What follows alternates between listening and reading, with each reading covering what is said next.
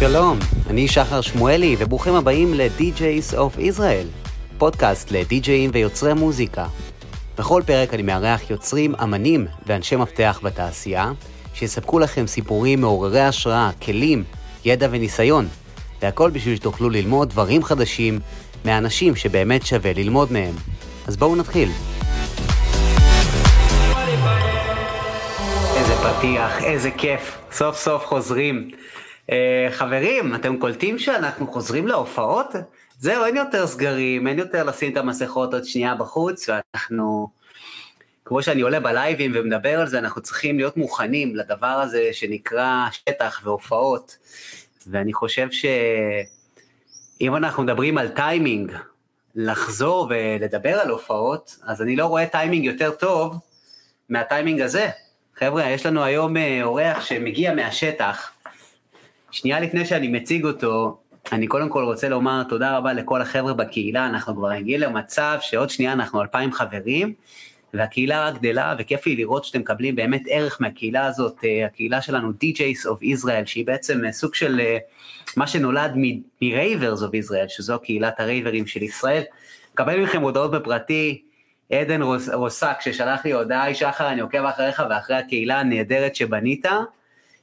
מאוד מתחבר לתוכן שיצרת, הפודקאסט מאוד מקצועי, אני לומד ממנו המון.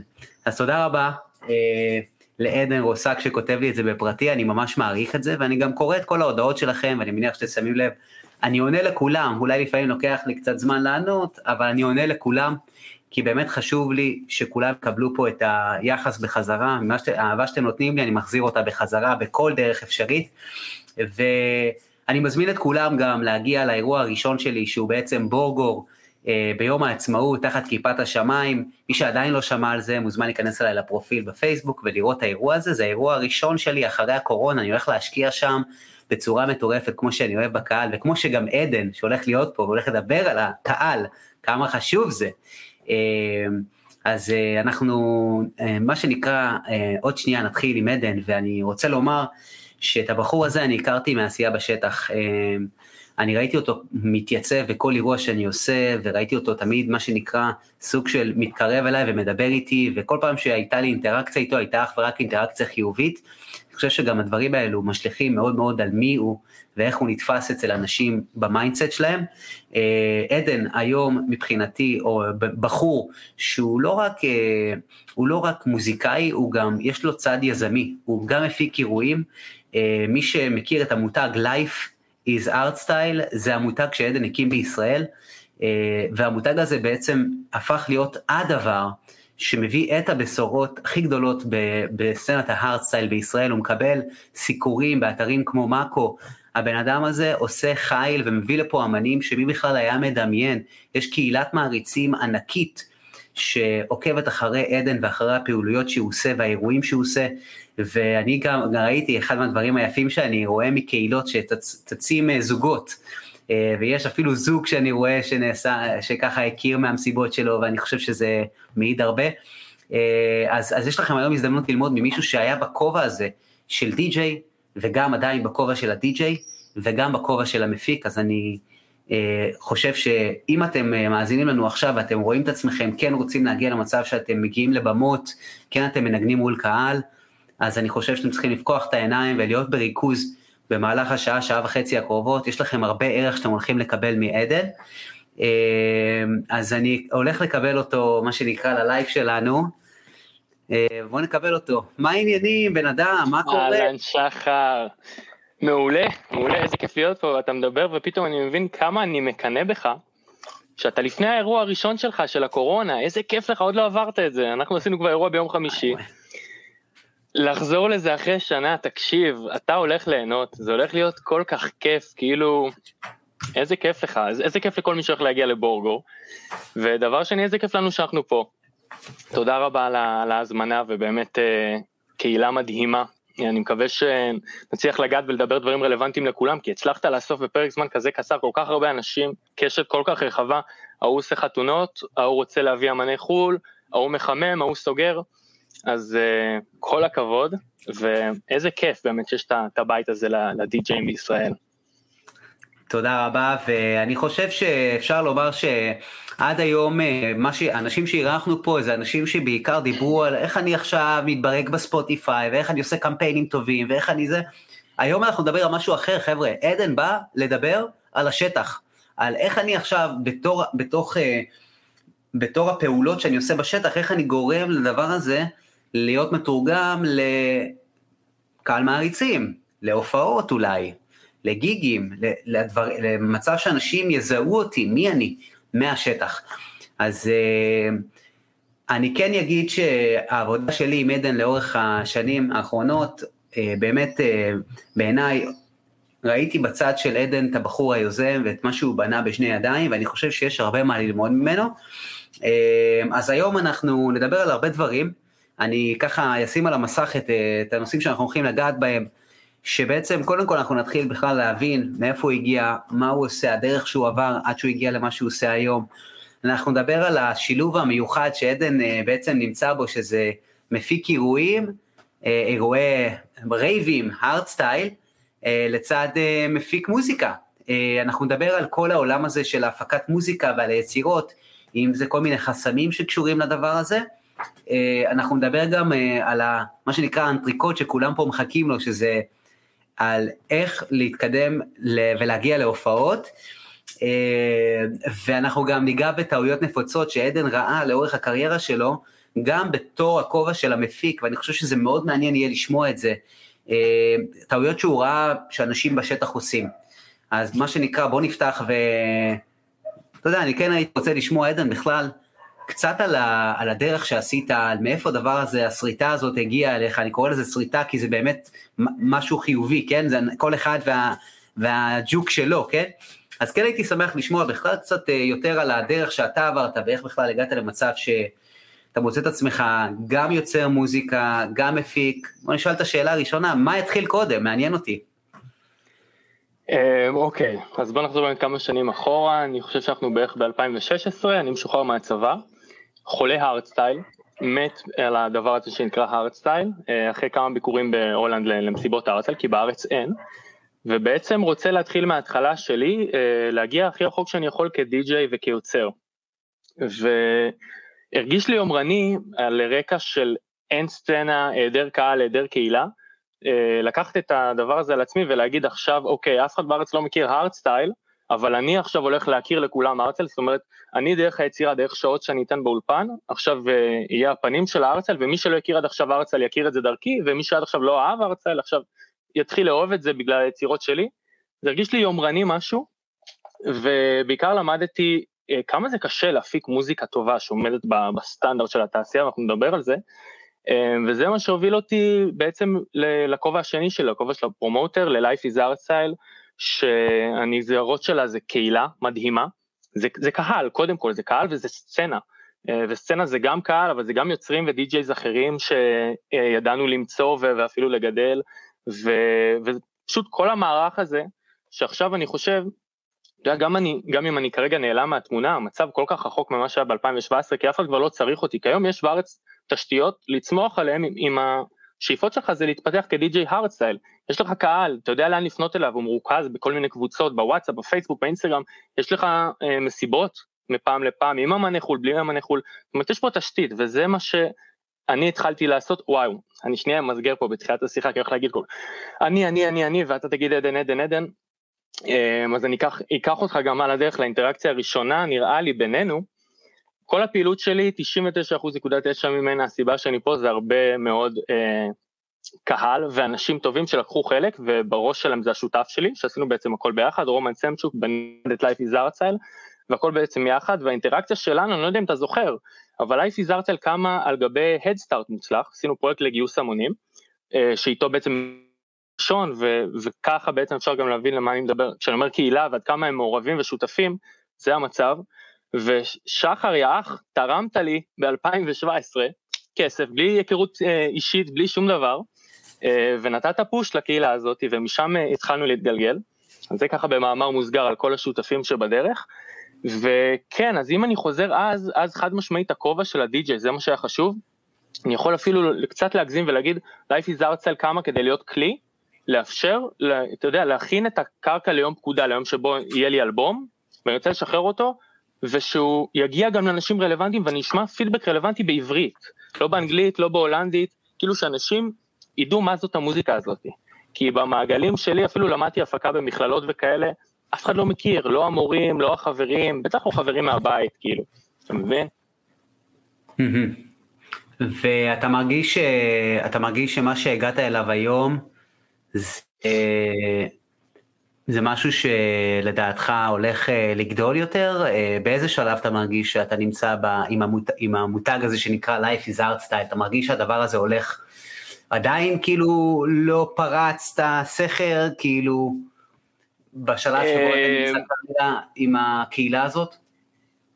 תראה, כרגע אנחנו בזמנים מורכבים, אוקיי? מאז שהקורונה mm-hmm. נכנסה לנו לחיים, אני חושב נכון. שקצת הסתבכנו, אבל אני אגיד שהקורונה תפסה אותנו בשיא, משהו שהוא מאוד לא מפתיע, כי מהרגע שיצאנו בעצם, בכל זמן נתון היינו בשיא.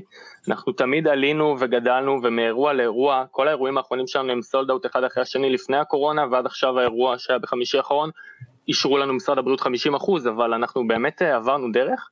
וברור שיש לנו עוד סכרים אה, לפרוץ, ברור, ברור, אני עדיין אה, פה ושם נתקל באנשים שאפילו לא יודעים מה זה ארצל וזה, וזה בסדר, זה לא מוזיקה שנועדה להיות במיינסטרים, אבל גם כנישה יש לנו עוד המון המון מקום להתרחב אליו, ואתה יודע, לתפוס עוד הרבה אנשים שאולי גם פה מקשיבים לנו, אתם עוד לא יודעים, אבל זה הדבר, חברים. כן, יש לנו, יש לנו הרבה עבודה, ואני אגיד שבדרך, איפשהו מהר מאוד בתחילת הדרך, התעדוף שלי השתנה, כלומר, אם Life is Arts התחילה כאיזשהו כלי לקדם את פייסמקר, זה צאנצ'וק, אתה השותף שלי, מהר מאוד הבנו שהסדר עדיפויות קצת אה, דינמי, קצת משתנה, ויש לזה השלכות מכל מיני כיוונים, אולי, אה, אני לא יודע מה החבר'ה מהקהל עכשיו יחשבו על זה, אבל אם אני אספר שלמשל את הדי-ג'ים הראשונים שהבאנו מחו"ל הופיע בארץ, להופעות בארץ, השאלות שהנחו אותנו זה כאילו, הכי חבר'ה מה, למי יש הכי הרבה קונטקט רלוונטיים בטלפון, מי הולך לפתוח לנו הכי הרבה דלתות בסצנה, מי עכשיו אני מגיע איתו לפה, וזה כתוב בחוזים שחתמתי איתם. אחרי ההופעה, לפה אני כרגע נמצא בבית של ההורים שלי, בסטודיו בקומה השנייה, ואנחנו אוכלים ארוחת שישי למטה, הופעה ביום חמישי, אתה נשאר עוד לילה, עושה איתי ארוחת שישי ועולה לפה לסטודיו, קצת לתת לי פידבק ולעזור לי, כאילו חיפשנו את האנשים האלה, אה, כדי שבאמת יוכלו לקדם אותנו כיוצרים. מדהים. ומהר מאוד השאלות התחלפו באוקיי, את מי הקהל אוהב, כאילו זה, שמנו את זה בצד, הבנו שאנחנו קצת יורים לעצמנו ברגליים, ועכשיו זה את מי הקהל אוהב, או אם נגיד קצת יותר תכלס, מי יביא הכי הרבה קהל, או אם נגיד הכי הרבה תכלס, אז מי, מי ימכור הכי הרבה כרטיסים, סבבה, וכן, זה, זה הדברים כמו שהם היום, ו, ודי הרבה זמן. אה, ממש אהבתי, ממש אהבתי את התשובה, וזה ממש מעניין אה, לשמוע איך אה, מתמרנים בין הפקת אירועים להפקת מוזיקה. אתה חושב שהדבר הזה עזר לך אחד לשני, אם זה בתור להגיע לכובע הזה של מישהו שמפיק אירועים בתור מוזיקאי, בתור מישהו שיוצר מוזיקה, וגם ההפך, לגשת לאולפן בתור מישהו שיודע מה עובד ב dance floor ולהכיר את הקהל. חד משמעית, both ways, כאילו נגעת בזה טוב, אני אתחיל מהסוף. אני לא חושב שאפשר ליצור מוזיקה, אנחנו בו, כל אחד פה בז'אנר שלו אולי, אבל כולם פה עוסקים ב-EDM, ב electronic dance music, ו dance music נשמעת בסוף ב dance floor ברחבה, ואני חושב שזו מגבלה מאוד קשה לסגור את עצמך מאחורי הדלת של אולפן ו- ולא לדעת איך הדברים שאתה יוצר נשמעים ברחבה, זה לא יעזור אם תשלח לחבר שישמע באוזניות או תשמיע לאנשים ברכב או תשקיע מיליונים במוניטורים, זה מוזיקה שמיועדת לרחבה ועד שלא תשמע אותה ברחבה לא תבין בכלל אם היא עובדת, אם הוא לא עובדת ובכלל יכולות של תקלוט זה משהו ש... כיוצר מוזיקה אלקטרונית אתה חייב להבין את זה, יש סיבה למה טרקים בנויים כמו שהם בנויים, כי אחר כך נוח לתקלט אותם ולנגן אותם באירועים, ויש חבר'ה שבהחלט אם אנחנו מדברים פה על עבודה בשטח, יוצא לי לא מעט לפגוש אנשים, כאילו בן כמה אתה, סתם לצורך השיחה, אני בן 24, אני מפיק מגיל 19, חמש שנים, בחיים לא הופעתי. איך בחיים לא הופעת? כאילו איך אתה מרשה לעצמך את החסך הזה מלגעת בתכלס, מכאילו לבדוק אם השירים שלך עובדים, עד בכלל להבין, תגיד, זה בשבילי? בשבילי עכשיו לחזור הביתה בחמש בבוקר, לא יודע, נסיעות ארוכות, כל הלבד, יש המון דברים שאמן מתמודד איתם, חרדת במה, חרדת קהל, למה אתה מחכה עם התשובה לכל השאלות האקוטיות האלה כל כך הרבה זמן, שבוא, זה לא עכשיו, למשל רופאים, אוקיי, לא מחפשים קיצורי דרך, אתה לא רוצה שמישהו שלא סיים התמחות יבוא וינתח אותך, אבל אתה די-ג'יי, יהיה מי שייתן לך במה, ויש לך איפה לבחון את הדברים שלך בשלב כבר יחסית מאוד מאוד מוקדם, וכדאי, אני ממליץ בחום, אני מכיר הרבה יותר אנשים שיושבים שנים בסטודיו ולא מופיעים, מאשר אנשים שמופיעים עם, אה, עם אמביציות כמובן ליצור, לא מדבר על די.ג'יי שעושים חתונות ודברים כאלה, אבל מאשר עם חבר'ה שרוצים להתקדם ביצירה, אבל משקיעים לפחות את הזמן שמשקיעים באולפן בעבודה בשטח, ואני חושב שזה חבל, כי יש פה באמת אינסוף יתרונות, אפשר להרחיב על זה אם אתה רוצה. אנחנו לדעתי נגיע לזה, כי זה אחד הנושאים שכתובים לנו בשקפים. אה, אני אוהב את זה שאתה נוגע, איך אתה מדבר על זה, שבעצם אומן, שהוא uh, מפיק מוזיקה כבר איקס שנים, עדיין לא הופיע ברחבה, זה בעצם uh, סוג של uh, מה שנקרא לחטות ב... אתה יודע, אתה חוטא במה שאתה עושה, כי אתה... באמת זה חלק בלתי נפרד, ואני לגמרי מקבל את הגישה הזאת, אני חושב שהיא גישה כל כך נכונה, אבל אתה יודע, אנשים, בוא שנייה נשים דברים על השולחן, אנשים יש להם כל מיני חסמים. אנשים אולי לא מכירים אנשים, אה, אולי הם מתביישים, אולי הכישורים החברתיים שלהם לא ברמה מספקת, אולי אין להם חברים איתם הם יכולים לצאת למסיבות ולהכיר אנשים. אה, מה אתה אומר על, על אנשים שאומרים את הדבר הזה? אני אומר קודם כל כל הכבוד על המודעות, כי זה השלב הראשון ובלי זה אתם הייתם תקועים וגם לא מבינים למה, ואז אתם בכלל, זה, זה קצת להיות אבוד. once יש לי את ההבנה של כל הדברים שאמרת, וסלח לי שאני לא זוכר את הסדר, אבל הייתי מתחיל לטפל בהם שיטתי, אוקיי? חסם אחרי חסם, לפתוח ולפרק, מתוך הבנה שהשאיפה שלי, אם אני רגע חוזר לחלום של 2017, אם אני רוצה עכשיו להתקדם ולשרוף את הבמות ברחבי העולם ואתה יודע, להביא קהל תחת ה brand שלי, שאנשים יבואו בשביל לראות את Pacemakers, אז אני חייב עטיפה שלמה של כישורים ו- ודברים שאני חייב אה, לדעת אה, להביא לידי ביטוי בצורה יוצאת דופן, כי רק ליצור מוזיקה אה, מדהימה באולפן, ואני אומר רק באלף מירכאות, כי זה כשלעצמו אה, משימה די בלתי אפשרית, אה, זה לא יקדם, אז אולי תהיו ghost producers נפלאים, אבל אם יש לכם בעיה עם קשרים חברתיים לצורך העניין שאמרת, איך מתקדמים בעולם חברתי? אתם רוצים להופיע בפני בני אדם, לא, לא בפני, כאילו, יש כישורים שחייבים להיות, והגדולה הכי מהותית אני אגיד, זה להכיר בחולשות בעצם, ואז לדעת איך לעקוף אותם. למשל, אם אני עכשיו mm-hmm. עושה קצת אה, מסחרה פה של העסק, בוא נגיד שזה החלום שלי, אבל אני, מה אני אעשה? ביליתי שנים באולפן, אין לי כישרון, אוקיי? לצורך העניין הבנתי, לא עובד לי, לא עובד לי, אני כאילו ניסיתי. אולי זה הזמן שלי להבין שמשהו בדרך לא, לא נכון, וסתם אני אדבר על עצמי, אז אני גם טחנתי שעות, חודשים בטיוטוריאלס ביוטיוב, וגם עברתי במכללות שונות וספגתי מידע, אבל אולי כאילו זה לא באמת הדבר האמיתי, אולי אני צריך עכשיו קצת לחסוך בצד, ולקחת את עצמי לשבת באולפן של מישהו שנמצא שם, נמצא בסטנדרט התעשייתי הזה שאני חולם ומראייר עליו ולא מגיע, ו- ואולי אני צריך לטוס אליו אפילו, סתם לצורך השיחה, עם איזה דיסקום, כי עם איזה איפי שאני עובד עליו, ומבחינתי האיפי הזה, יש שם ארבעה טרקים, כל אחד מהם אני יכול לפתוח את הפרויקט הזה עוד מאה פעם, אין לי מה להוסיף. אני את הידע שלי סיימתי כבר לשים שם, אני לא יודע איך לקחת את זה הלאה. ולשבת ולראות איך בן אדם באמת עושה את זה, וזה המון משאבים וזה המון זמן ו- ואנרגיות, אבל אולי זה מה שאני צריך, כי, כי מתוך הבנה שאני לבד לא יודע להשיג את זה, והמכללות ככה פגעו קצת ליד, והטיוטוריאלס ביוטיוב אני אולי מתקדם, אבל התעשייה מתקדמת יותר מהר ממני, אז להבין איפה החולשות ולחשוב ממש אנליטית, ראש עסקי כאילו, איפה אני משקיע את המשאבים שלי בשביל להשיג את מה שאני רוצה. אני עכשיו יושב פה למשל מאחורי, יש פה איזה מוניטורים שעלו X, כדאי לשים את ה-X הזה על המוניטורים, או שבמורה פרטי אני אגיע יותר, אה, יותר רחוק, או שבאיזשהו פרסום או בשיווק, תחשבו עסקי, גם ביצירה וגם באומנות, זה לא בהכרח סותר, זה לא, זה לא פוגע במי שאתם ומה אתם, אתם רק יכולים בראש הזה לסלול לעצמכם, להתוות לעצמכם דרך קצת יותר ברורה ומסודרת, אה, להגיע ליעד שאתם רוצים. אני חושב שמה שאמרת עד עכשיו היה ממש אה, מדהים ואני רוצה להוסיף לזה ולהגיד, זה משהו שחוזר על עצמו. אם אנחנו מסתכלים עד עכשיו בפודקאסטים, כולם מדברים על המשמעות הגדולה של להסתכל על פרויקט כביזנס. אם בן אדם אחד אמר לי את זה, סבבה. אם שני אנשים אמרו לי את זה, סבבה, אבל כשכולם אומרים לי את זה, ומי שהאנשים שאומרים את זה, זה אנשים שכבר נמצאים במקום אחר, שאליו אני שואף להגיע לצורך העניין, אז פה מתחיל, אני מתחיל להבין שכנראה יש בזה משהו. אה, אני רוצה להוסיף עוד משהו קטן אה, למה שאמרת, על ה... דיברנו על החסמים. אז אני מאוד מאוד מסכים, עדן, עם התשובה שלך, שקודם כל, to acknowledge, קודם כל להכיר. בחסמים האלו, ומה שאני הייתי ממליץ לכולם לעשות זה לקרוא אותם על דף, על דף ולעשות מ-1 עד 10. נגיד סתם לצורך העניין, אה, מכירות. אני מספר 2 במכירות, מ-1 עד 10, ואני בהפקת מוזיקה 8. מה כדאי לי לשפר כרגע? התשובה היא מכירות, חבר'ה, כי זה קישור שיעזור לכם להתקדם בתור ביזנס אונרס, בתור אנשים שיש לו פרויקט.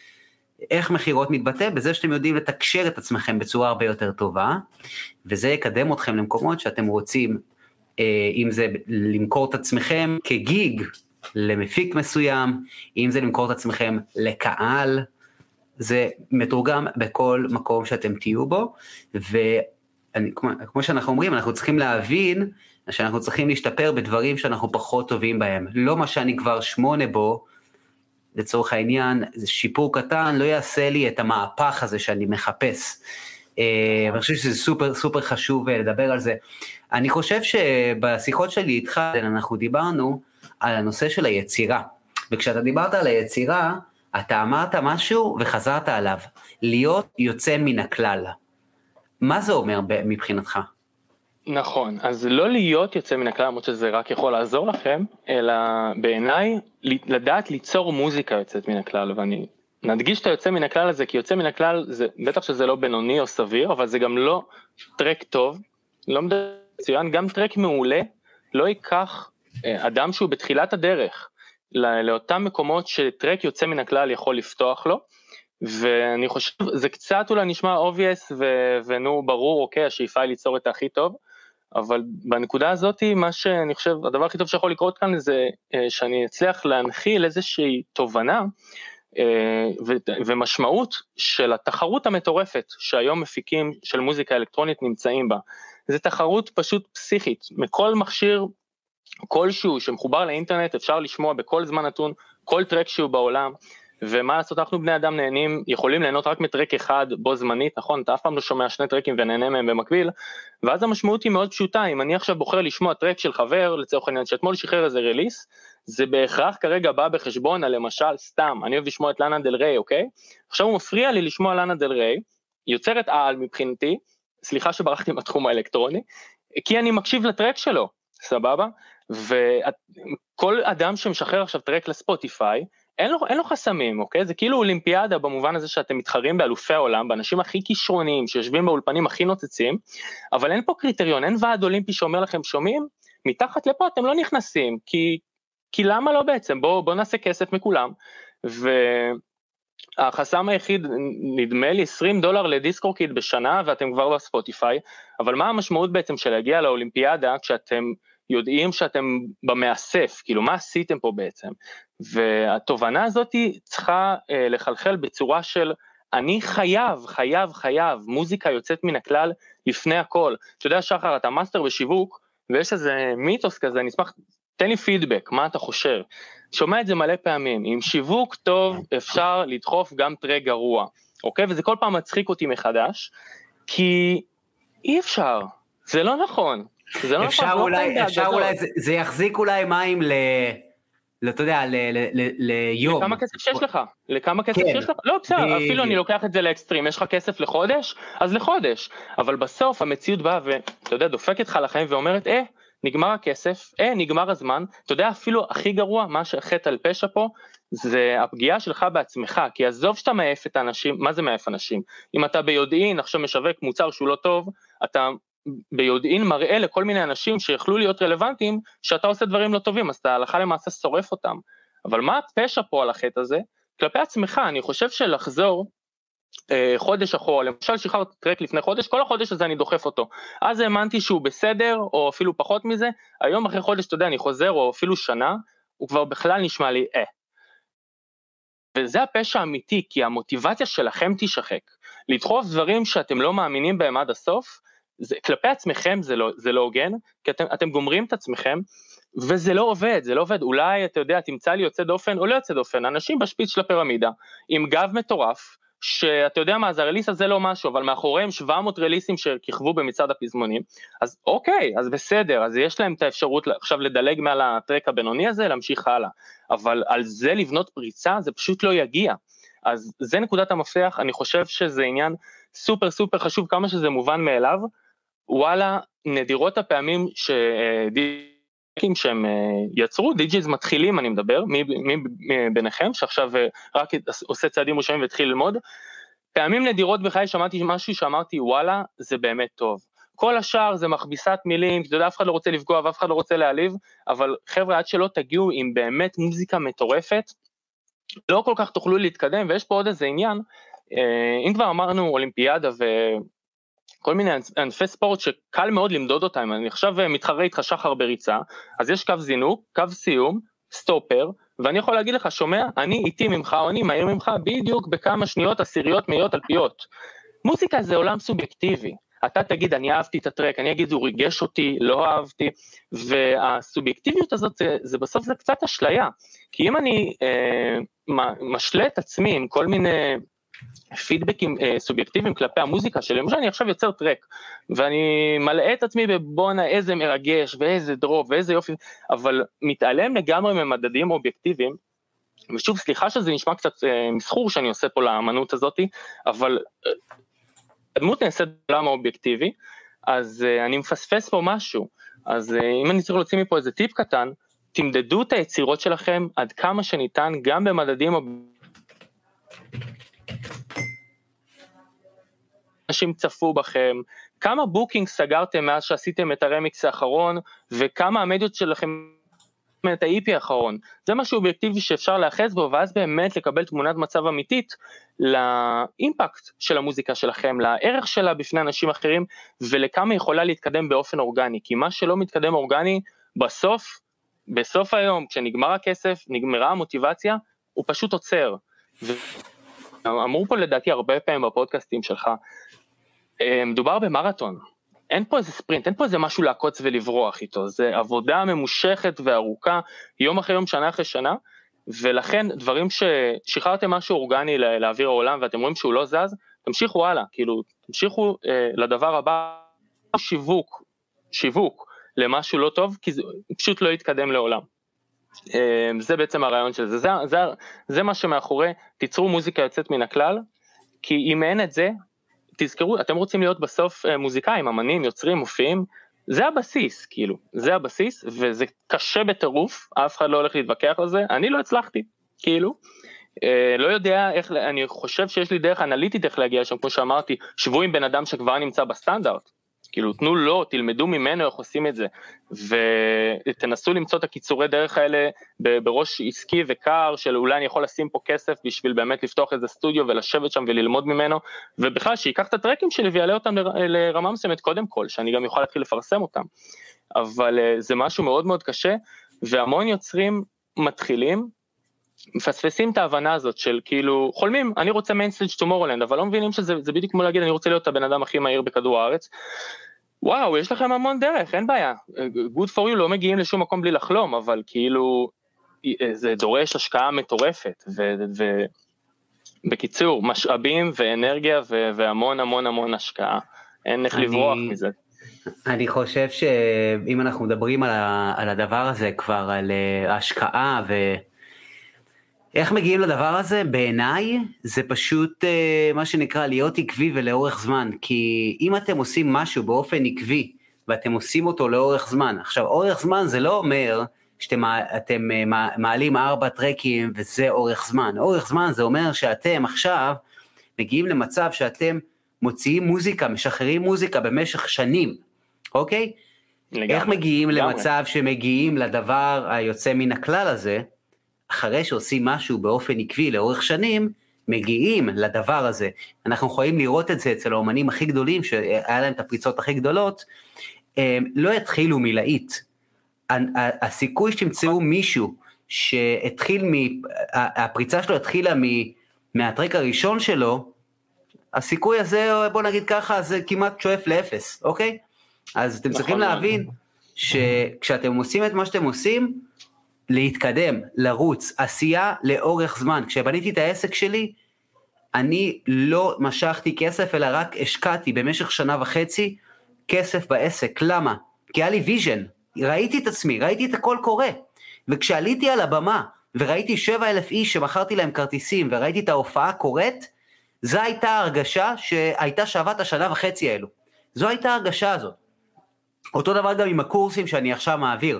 סוף הקורס, אנשים מדברים על איך הם הרגישו ומה הם קיבלו מה, מהקורס. מבחינתי, כל העבודה שעשיתי, להתקשר לאנשים, לעבוד על, על התוכן ולהעלות פוסטים ולהעלות את כל הדברים האלו, בסוף זה משתלם. לקח לי זמן, זה משהו שלוקח המון המון זמן. אני חושב שהדברים ששווה בחיים, שווה, הדברים השווים בחיים, זה דברים שלוקח המון זמן להגיע אליהם. נכון, עובדים קשה בשבילם. כן, אני גם יוסיף, אני אתחבר לנקודה שלך ויוסיף כי אמרנו כל הזמן טרקים יוצאים מן הכלל יוצאים מן הכלל ואתה מדבר פה על איזושהי דרך שצריך לעבור. אז מהמקום הזה אני אגיד כאילו המלצתי החמה שחררו טרקים בינוניים כל הדרך, נקרא לזה לשלמות. כי אין, אין מנוס, זה לא שתסגרו את עצמכם מאחורי הדלת של הסטודיו חמש שנים ואז תצאו עם משהו שהוא פרפקט. יש איזושהי דרך, איזושהי התבגרות שצריך לעבור, איזשהו משהו שקורה בכל טרק שהוא עדיין לא שם, אבל שחררתם אותו וקיבלתם פידבק מועיל מהסביבה.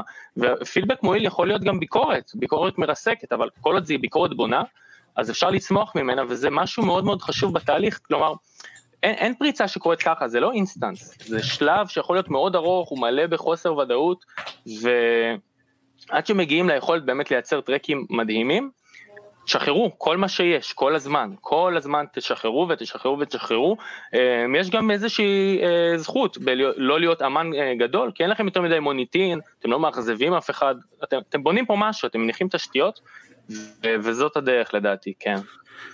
אמ, אני רק אגיד משהו עדן, תוודא שאתה לא מחובר בבלוטות של האוזניות לטלפון, כי לפעמים אני מאבד, אני שומע אותך טיפה מקוטע כזה.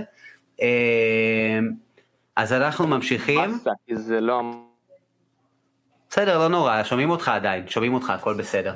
אז אנחנו, okay. אוקיי. אני רוצה להמשיך לנושא הבא, שאני חושב שהוא סופר מעניין, זו גישה שאני שומע אותה ממך ואני אוהב אותה. אתה אומר ככה, למה להתקדם דרך הופעות? בוא, אני רוצה לשמוע. אתה אומר, בואו נתקדם דרך הופעות, בואו נקדם את הפרויקט שלי, בואו נקדם את עצמי דרך הופעות. אז אני רוצה לשמוע קצת יותר על הגישה הזאת שלך, אה, ואנחנו עכשיו עוברים לנושא של ההתקדמות דרך הופעות. אז בוא תן לי קצת אה, את הנקודת מבט שלך, איך אתה רואה את זה, ואיך החבר'ה פה שמאזינים לנו יכולים להוריד את זה לפרקטיקה בשטח. אוקיי, okay, אמ, אז לפני שממש ניגע בפרקטיקה, לפני שנגיד איך עושים את זה, אני חושב שחשוב להבין את היתרונות של, אתה יודע, יותר את הלמה עושים את זה, למה שעה נתונה עדיף לי להשקיע כרגע בהתקדמות דרך הופעות ולא בסטודיו, ביצירה. אז אה, נגענו בזה גם קצת בהתחלה, אז קודם כל כי כשיוצרים מוזיקה לרחבה אז אין, אין תחליף לרחבה בשביל לבדוק שהיא עובדת, ובכלל, דיברנו על לבדוק אם המקצוע מתאים לכם, אז זה, זה פסיליטי ענק, כאילו לעמוד על במה ולשאול את עצמכם את השאלות האלה, זה מה שאני רוצה מעכשיו והלאה, זה, זה בשבילי הדבר הזה, אני חושב שזה, אי אפשר להפריז בחשיבות של העניין הזה. אמ, כמו שדיברנו גם על יצירה, שלפני רגע אמרנו, תשחררו טרקים בינוניים כל הדרך, כי אתם רק תלכו ותשתפרו, צריך להבין שגם בהופעות זה ככה, אף אחד לא נולד כאילו פרפורמר מדהים מההופעה הראשונה שלו, וגם פה יש דרך לעבור, ועד שלא תעשו את הדרך הזאת לא תגיעו, למ... ל... אני מניח, למקום ש... שבא לכם להיות בו, שאתם עומדים על במה בביטחון ויודעים להעביר show, ו... ולא יודע, כבר עברתם מלא טעויות שכל אחד עושה על במה בהופעות ראשונות, ופיתחתם skills של במה, שזה גם משהו ש... שדורש אימון ו... ו... ותרגול. אמ, יש עוד, עוד איזושהי נקודה, דווקא מהמקום הפיננסי. שחר, בוא נדבר רגע על אה, חבר'ה שעכשיו ממש בתחילת הדרך, וזה משהו, אגב, אני לא מעודד או, או מטיף לזה, אבל יש הרבה מפיקים שלדי-ג'ייס כאלה אומרים בוא אני אשלם לך את הדלק, או בוא נדבר במספרים, אני אביא לך להופעה 100 שקל. עכשיו, אפשר להסתכל על זה כאילו בזלזול, בביטול, במה שתרצה, אבל אני אומר לך דבר כזה, יש משמעות מטורפת כדי-ג'יי, כיוצר, כאמן, לסיים את ההופעה, לתפוס ככה את השטר, להסתכל עליו ולהגיד בואנה אני את זה הכנסתי ממוזיקה. זה כסף שהכנסתי מהאהבה שלי, ממה שאני רוצה לעשות. זה רק 100 שקל, נכון, אבל כמו שהבנו, לא פורצים ככה, זה לא אינסטנט, זה תהליך.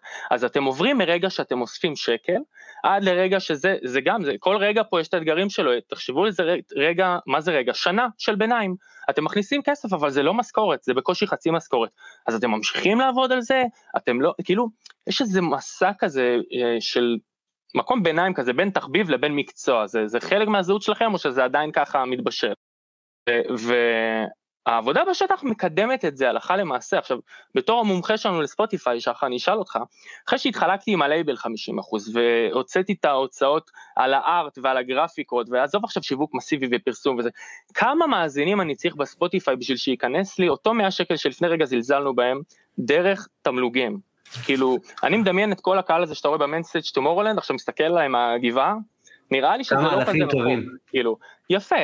אז אנחנו פתאום מבינים שבואנה, המאה שקל שהפרומוטר הזלזלן הזה כאילו הציע לי, אה, זה שווה משהו, וזה שווה משהו גם ברמה המנטלית, שאתם פתאום מבינים שוואלה, הנה מתחילים להגיע פירות מהעבודה עדן, שלנו. אפשר להגיד לך מילה?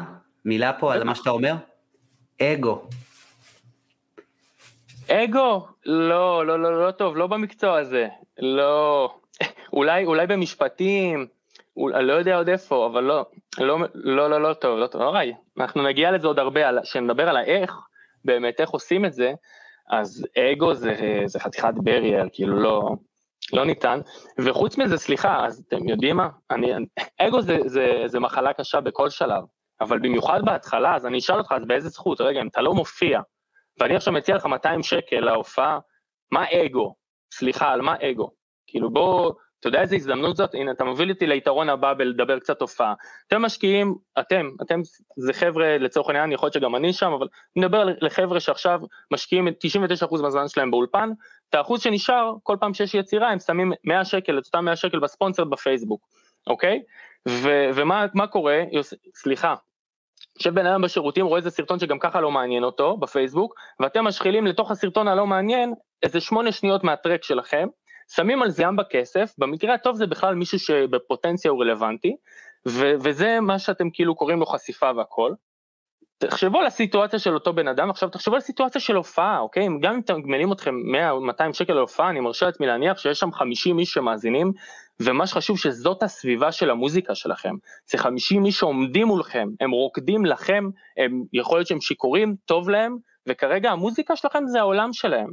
אז אם אגו גוזל מכם את ההזדמנות הזאת, לדעתי אתם מפספסים משהו אדיר, ובאמת במובן הזה אני חושב שעכשיו זה קצת ברור למה בגישה שלי אני אומר כאילו, על כל דקה בסטודיו תשקיעו דקה ב- בלהשיג את הדברים האלה, כי זה לא ישאיר אתכם מאחור, זה רק ייקח אתכם קדימה. אמרנו גם על די-ג'יי שיודע להעביר סט, איזה בנפיץ מטורפים יש לו כשהוא חוזר לסטודיו ליצור, הוא יודע פתאום מה הוא מחפש, הוא יודע להגיד לעצמו אם הטרק שהוא עכשיו מפיק, זה הולך להיות טרק בתחילה של סט, באמצע של סט, בסוף של סט, זה בכלל טרק שמתאים אם אני פותח את הערב או אם אני סוגר את הערב, אלף שאלות, כי בסוף המהות של היצירה זה הרגע הזה שאתה בא לרמקולים הגדולים בפסטיבל ומשמיע את הדברים.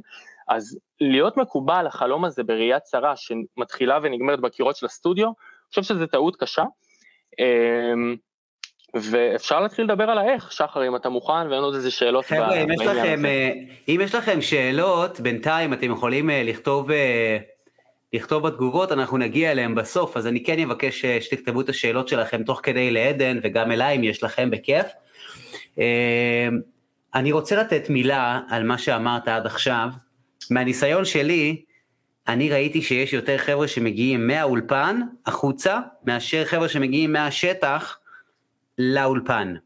חד משמעית. עכשיו אני, אני רק אגיד שלאורך השנים אני נחשפתי להמון אנשים, ואני ראיתי את ההבדל הברור, הברור, של אלו שיש להם את הכוח מהשטח, שהם די-ג'אים בשטח, מכירים קהל, מכירים לנגן מול קהל, מנגנים כבר בליינים, במסיבות, לעומת אלו שבאו אך ורק מהאולפן ולא מכירים מה זה קהל, איך להתנהל עם קהל, מה זה בכלל מפיק של אירוע, מה זה אומר שאני צריך לסגור את האירוע, מה זה אומר שאני צריך לסחוב עכשיו את ה-CDJ שלי לתוך המקום הזה ו- ולהתחנן לפרומוטר שיביא לי בון שתייה לשתות, אז תכלס, האנשים שהגיעו מהשטח, היה להם הרבה יותר הזדמנויות להצליח עם המוזיקה שהם הפיקו. למה? כי יש להם אפשרות, א', להבין מה עובד מול קהל, ב', לנסות את זה מול הקהל אחרי שהם הפיקו משהו באולפן, ואני חושב שהדבר הכי חשוב זה שיש להם כישורים חברתיים. הם לא היו יכולים לנגן מול אנשים אם לא היה להם כישורים חברתיים. אלא אם כן זה מישהו למלם שעובד בחברה ועשה איזה קומבינה. בדרך כלל זה אנשים שהם הולכים ויודעים מה להגיד, למי להגיד, והם מוכרים את עצמם. וזה מה שמביא להם את ההזדמנות. סיפור קטן על בחור שאני מכיר בשם איתי, איתי התחיל את הדרך שלו כדי-ג'יי. איתי ווייט נויז, יש לנו גם אה, אחד הפרקים פה למעלה, אתם יכולים אה, לשמוע בספוטיפיי.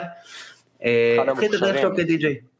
בן אדם מטורף, התחיל את הדרך שלו כדי-ג'יי, ומה שהוא עשה, הוא גר בעפולה, ב, לא בעפולה, נראה לי בעפולה, אני לא זוכר. בכל אופן, מה שהוא עשה, כשהוא התחיל את הדרך שלו כמפיק די-ג'יי פסייטרנס, מה שהוא עשה, בגלל שהוא היה די-ג'יי, הוא דיבר עם כל האנשים שהם יוצרי טראנס, והביא אותם אליו הביתה, ללמד אותם איך לעבוד עם ה-CDJs. האם הוא חשב יצירתי? האם זה שיחק לטובתו? האם הכישורים החברתיים שלו באו פה לידי ביטוי? חד משמעית כן. האם חשיבה, חשיבה מחוץ לקופסה, חשיבה יזמית? חשיבה מדהימה אם אתם שואלים אותי. מה קרה? הוא התקרב לקליקה בצורה הרבה יותר מהירה. אז תחשבו על, אה, על מה שאמרתי עכשיו. לגמרי, אני גם אוסיף על מה שאמרת, ש...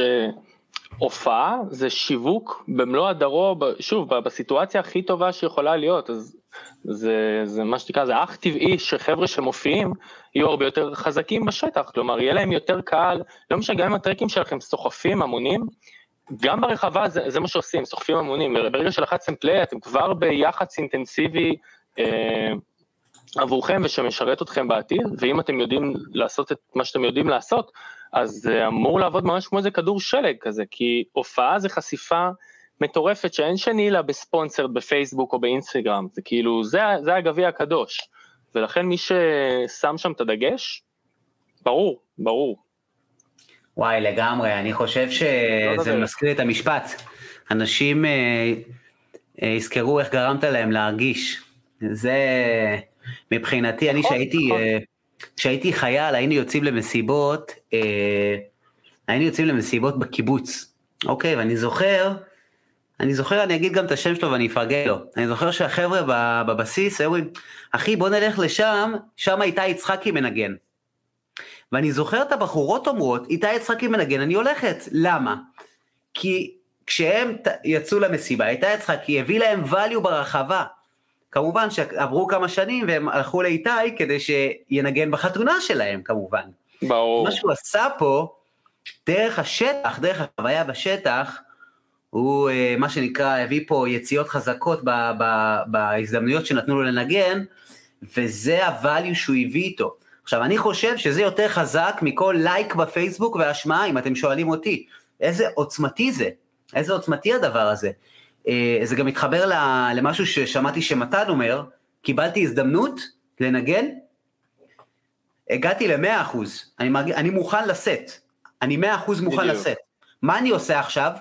אני נותן עוד 20-30 אחוז, עושה עוד משאפ של הרגע האחרון, עוד משהו קטן של הרגע האחרון, עוד יציאה, שאני כבר, אני לא נותן 100 אחוז, נותן 120-130 אחוז. למה? כי אני רוצה להשאיר חותם, קיבלתי הזדמנות. וזה לדעתי גם משהו שהוא מאוד מאוד חשוב. הרבה חבר'ה כאילו, זה על הדרך. לא, זה לא על הדרך חבר'ה. קיבלתם הזדמנות להופיע, זה מבחינתי, כמו שאמרת, הגביע הקדוש. אז uh, בוא נמשיך קצת, uh, אם אתה רוצה לדבר על פרקטיקה, uh, פיננסים, דברים שלדעתך צריך להעלות אותם. Uh, כן, טוב, אמרת פיננסים, אז בוא נתחיל לדעתי מהמושג מפתח, uh, ממש לפני שנגיע לאיך עושים, אז מה, מה בעצם מנסים להשיג כשרוצים להתקדם במה שאנחנו קוראים לזה בדרך ההופעה, ואני חושב שהכל בסוף יורד לעניין של תמורה למחיר. לכרטיס ביקור שאני כדי-ג'יי מציג לפרומוטר. ותמורה למחיר, יש איזה מושג שאני קורא לו מסה קריטית, מסה קריטית של בליינים, ויש מי שלא משיג אותה, ולפניה יש את מי שאחריה, ו, וזה ההבדל בין להתחנן לבוקינגס, ואפילו לאכזב, לבין שיתחננו אליך לבוקינגס ו- ולתת בראש, והמסה הקריטית הזאת זה שבה אני יודע שאני יכול להביא לפרומוטר מספיק קהל, בשביל א', לכסות את הפי שלי, את, ה, את מה שאני מבקש אה, עבור האירוע, ב', לכסות את החלק היחסי של הקהל שלי בהוצאות של האירוע, וג', כמובן ההפקה גם כן רוצה להרוויח, אז שהקהל שלי יספק את הרווחים אה, ביחס למה שהם לוקחים מתוך האירוע לפרומוטר. וואנס השגתי את הדבר הזה, אני פתאום הופך להיות כדאי. פתאום הפרומוטר זה כבר אינטרס עליון שלו שאני אגיע, כי אני משתלם לו, יש לי תמורה למחיר שהיא ללא תחרות. וזה נקודה תאורטית, היא דו-ממדית, אתם יכולים להיות לפניה, אתם יכולים להיות אחריה, וזה ההבדל בין לנגן, ולנגן ולנגן ולנגן ולנגן, לבין לא לנגן אף פעם, או אם כבר קיבלתם הזדמנות, וזו הטעות הכי פטאלית שיכולה להיות, אז לא החזרתם את ההשקעה ששמו בכם, ופרומוטר טוב, זה בשבילו זה דגל אדום לשנים, כאילו למה שהוא ייפול בזה שוב, למה שעוד פעם אתם תקבלו הזדמנות, כשבעצם לא החזרתם את ההשקעה לכם, זה הדבר הכי גרוע שאפשר לעשות, ולכן כל מה שאני חושב שנדבר פה שחר, איך להתקדם בדרך של ההופעות, זה בעצם כמו לשאול איך אני משפר את התמורה שלי למחיר, איך אני אותה. עכשיו, אני אצא מנקודת הנחה שכל אחד פה רוצה להרוויח כסף או להתפרנס כמה שאפשר, אז אין כל כך מה לנסות לתמרן עם זה, כמובן שכל אחד צריך לדעת את הסיטואציה, ואם אתה יודע שאתה יכול להביא עשרה אנשים לאירוע, אל תבקש אלפיים שקל על האירוע, כי, כי אתה יורה לעצמך ברגל, אבל בקיצור עיקר כן, העבודה שלנו פה... אלא אם כן אתה מנגן במקום שלצורך העניין יש לך את הסקילים להתמודד עם המקום הזה, אם זה בר מיוחד או אירוע מיוחד. ויש לך את הסקילים לתת ערך לקהל, שכבר עכשיו. כפרומוטר, תקן אותי אם אני טועה שחר, אבל אם יש לך עכשיו ליינאפ, אתה יודע שאתה צריך למכור איקס כרטיסים. אנחנו, אני רק, אני רק, סליחה שאני קוטע אותך, אני רק אעשה סדר לאנשים בראש. אנחנו מדברים על הופעה, לצורך העניין הופעה אלקטרונית, שעכשיו אתם רוצים לנגן בליינאפ, אוקיי? עדן מדבר על הסיטואציה הזאת, אני בכוונה הבהרתי את זה, כי יכול לקרות מצב שאתם מופיעים בחתונה או בבר קבוע או דברים כאלו, אז הvalue שלכם צריך לבוא בצורה אחרת. יכול לבוא בצורה שבה, יכול לבוא בצורה שעשיתם את החתונה בת זונה. יכול להיות שעשיתם, אה, יכול לבוא בצורה שבה כשאתם ניגנתם בבר, אז אנשים עכשיו לקחו בקבוקים יותר ושתו יותר ונשארו יותר ונהנו יותר והמליצו יותר על המקום. זה יכול לבוא בכל מיני צורות. אתם צריכים תמיד להסתכל, ללכת שלוש צעדים אחורה ולקחת את העקרונות שעדן נותן פה ולהשליך אותה על כל סיטואציה שבה אתם נמצאים. אז אה, היה חשוב לי, אה, זה, אם, אם, אם, סליחה, סליחה, סליחה, אם אפשר לתת עוד מילה על אה, משהו שקרה לי בתור פרומוטר. היה לי אירוע שהכרטיסים היו ככה, ככה, לא משהו, בעבר, כן? לא כל אירוע אנחנו מצליחים לעשות סולד אאוט וזה בסדר, זה, ככה זה בעסקים, לא כל עסקה שתעשה היא תהיה הכי טובה שיש. ובעצם מה שקרה, קיבלתי טלפון מבחור שאני מכיר מחיי הלילה, שהוא די-ג'יי, ואמר לי, תשמע שחר, אני דואג לזה, אני מפרק, אני דואג, אני מביא 100 איש אחי, אני עושה בלאגן. אמרתי לו, יאללה, בוא, קדימה. הכל זורם, בוא לליינאפ, תצטרף לליינאפ, אם אתה מביא 100 איש, אחי, מה אני אגיד? תביא 100 איש, הכל טוב. או, או, נגעת בלב של העניין, נכון. יפה. קרה משהו, האירוע התקדם, הבן אדם לא הביא אפילו 20 אנשים. אוקיי? עכשיו נראה לי שאתם כבר הבנתם מה הולך לקרות לאבא שהוא התקשר אליי להגיע להופיע אצלי. אה, זה לא משנה מה קרה, מה שקרה, מה שקרה אצלו, מה שקרה בפועל איתי זה שהוא בא והציג את עצמו בצורה מסוימת ובסוף מה שקרה זה בדיוק ההפך והוא פגע לעצמו לא רק ב, בשם כאילו אה, ספציפית איתי אלא בכל ההזדמנויות שיהיו לו איתי בעתיד. זה, זה, זה בעצם ההפסד הכי גדול שלו. זה לא ההפסד הנקודתי שהוא, לצורך העניין, בהופעה הזאת לא פגע. זה ההפסד עד, אוקיי? לעד אני לא אעבוד איתו, לצורך העניין, במקרה הזה, אלא אם כן הוא יהפוך להיות סולומון, כן? אז אני אמרתי שנים ואתה אמרת לעד, אז זה עוד יותר קיצוני, ונכון, זה, זה, זה הטעות הכי פטאלית שדי.ג'י יכול לעשות, זה לא אה, להחזיר את ההשקעה על עצמו, זה א' ב'. אני אחדד רק מה שאמרת לגבי החבר'ה שזה, שבאמת יכולים לספוג מפה ערך, אז אנחנו מדברים על די-ג'ייז שהערך שלהם הוא בקהל וביכולת למכור כרטיסים. לנגן בחתונות זה, זה אומנות בפני עצמה, זה, זה אתגר, זה יכולת מדהימה, אבל הקהל כבר קבוע ונתון, אז אין, אין כל כך פה במה לשחק, כנ"ל DJs שעובדים בברים. אמ, זה, זה בהקשר של הנקודה הזאתי, ושחר בוא, בוא נציג את העניין הזה של ליינאפ, בוא נסתכל על זה כמו על איזשהו תפריט במסעדה, רק שהוא תפריט מאוד מאוד מוגבל, אין לך יותר מארבעה, חמישה, אה, שש מנות, כאילו, לא, לא מעבר, וכשמסתכלים על זה ככה מבינים שכל מנה חייבת להיות עכשיו רב מכר, כאילו היא חייבת לצאת בלי סוף, כדי שאתה בסוף אה, תוכל להצדיק את כל המסעדה, את כל ההפקה הזאת, את כל ההוצאות, רק על בסיס המנות האלה. ו... אי אפשר, מי שחושב, אה, אז אני אפתור את זה, הנה, אני שובר לעדן את המשוואה של התמורה למחיר, אני לא מבקש כסף, אוקיי? אז לכם אני יכול להגיד, שחר, תתקן אותי, ואתה כבעל מסעדה, יש לך מקום ל... לחמש מנות, ובוא אני עכשיו נותן לך נתון, מנה אחת לא עולה לך כסף לייצר, לא יודע, אה, זו מנה ש... שיש לך במטבח בלי סוף, היא לא עולה כלום, אבל גם אף אחד לא מבקש אותה. אתה תשמור אותה? היא תופסת לך מקום, אתה תעשה לה ככה מהר מאוד, תעיף אותה ותביא במקומה מנה שמוכרת, זאת אומרת זה לא עוזר להיות ניטרלי, כי בסוף למסעדה יש עוד, ההפקה צריכה לכסות דברים שהם גם גדולים מהדי-ג'ייז, מן הסתם, אז כמו שהמנה מגלמת בתוכה מחיר של אלף ואחת הוצאות שיש לבעלים של מסעדה, זה בדיוק מה שקורה באירוע, ולכן לבוא ולהגיד, אה, אז אני אופיע בחינם, זה לא פותר שום דבר, להפך, אתם, אתם מורידים את, ה, את הרף אולי, ובמצב כזה תוכלו, יצופה מכם להביא פחות אנשים, אבל אתם לא יכולים לפתור את זה ולהגיד אני מופיע בחינם ולא מביא אנשים, ברור שאתכם זה לא מקדם, אבל גם הפרומוטר אין שום סיבה שיצא מבסוט מסיטואציה כזאת. אנחנו מדברים על הדבר הזה, ותוך כדי, אני מקבל הודעה בוואטסאפ מבחור שהוא סוכן של אה, אומני פסייטרנס הכי גדולים בישראל, ששלח לי הודעה בנוגע למישהו שהולך לנגן באירוע הקרוב שלי. ווואלה, תקשיבו, כאילו מבחינתי, דיברנו על אה, בן אדם שיודע להביא אנשים, מבחינתי זה, זו זכות שהאומן הזה יבוא לנגן מול הקהל שלי, כי אני יודע את הערך שהוא נותן, הולך לתת להם. איך אני יודע את זה?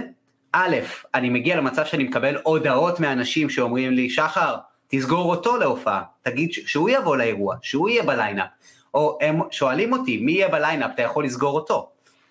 אם אתם מגיעים למקום הזה, ניצחתם את המשוואה, פירקתם את המשוואה, למה? למה פירקתם את המשוואה? כי אם זה מגיע מהקהל, אם הביקוש שאתם תבואו להופיע מגיע מהקהל, הגעתם למצב שהפרומוטר כבר מרים ידיים, אין לו מה לעשות, כאילו, אין לו מה לעשות, הוא צריך פשוט מאוד להקשיב לקהל, כי זה מן הסתם הלקוחות שלו. אמ, אז, אז אה, כדי להגיע למקום הזה, זה משהו שלוקח הרבה זמן, אוקיי? זה לא משהו שקורה בן לילה, אמ, וזה דורש גם הרבה הרבה טאלנט, טאלנט בכל מיני מובנים. אה, אני חושב שאנחנו נתחיל לגעת אה, בדברים האלו עכשיו. נגיע לזה, נכון. אז בוא, בוא נמשיך, ואני מאמין שיש לך עוד כמה נקודות על הנושא הזה. דרך אגב, אהבתי מאוד את האנלוגיה, עדן, של, של התפריט. אני חושב שנגעת בזה בצורה מצוינת, זו הייתה אנלוגיה נהדרת, ואני מאוד מאוד מאמין בצורה הזאת. תמיד תחשבו על זה שיש תפריט הוא מוגבל, אנחנו לא יכולים עכשיו גם לקרוא את הקהל ולעשות ליינאפ עם 18 אומנים, אני לא EDC Vegas, עדיין לא, אוקיי? אחלה, אז בוא נמשיך. אז אני מתחבר לך מהמקום הזה של לנצח את המשוואה, וזה באמת הפער בין להיות מחוזר אה, על ידי פרומוטרים לבין לחזר ואפילו לקבל אה, הרבה לא אה, מפרומוטרים, זה נטו העניין הזה של הקבלה, זה מה שצריך להציג כשבאים לפרומוטר. אתה יודע, פונים אליי המון המון אנשים, עדן, אני מת לנגן אצלכם, שמע את הסט שלי. ואני כאילו, אני כדי-ג'יי, יש לי אה, תמורה למחיר כפולה שאני צריך לספק. הראשון דיברנו זה לפרומוטר, אני חייב לכסות את עצמי ואת מה שהפרומוטר מצפה שאני אכסה. דבר שני, אה, אגב, וזה קורה בכרטיסים שהקהל שלי קונה, עכשיו אם מבינים שהקהל שלי קונה כרטיסים, מבינים שאני גם חייב להם, גם להם יש תמורה למחיר שאני צריך לספק, והתמורה שלי לקהל זה אה, בדרך של מוזיקה, בדרך של אה, סט משובח והופעה מדהימה. אבל אני אוסיף פה בסוגריים, את הפרומוטר זה באמת לא מעניין. אם אתם מקושרים ואתם לא יודע עכשיו חיילים בצבא, תקופה שיש מיליון חברים ואתם יודעים להביא 40 איש לאירוע, לא כי אתם אה, די-ג'אים גדולים, סתם כי הם אוהבים אתכם, לפרומוטר זה ממש לא אכפת, זה באמת לא מעניין, אתם מביאים אנשים, אתם מספקים סחורה, אף אחד לא שואל את הקהל בכניסה, תגיד, הדי-ג'יי הוא הביא אותך, כי מה, זה לא קורה וזה לא מעניין, אז הכרטיס ביקור שלכם צריך לצעוק תמורה למחיר, כדאי לך להביא אותי, כי לכל מקום שאני הולך, זאת הרשימה של אנשים מגיעה. הסט האחרון שלכם, אם הוא טוב או לא טוב, זה כבר מגולם בזה.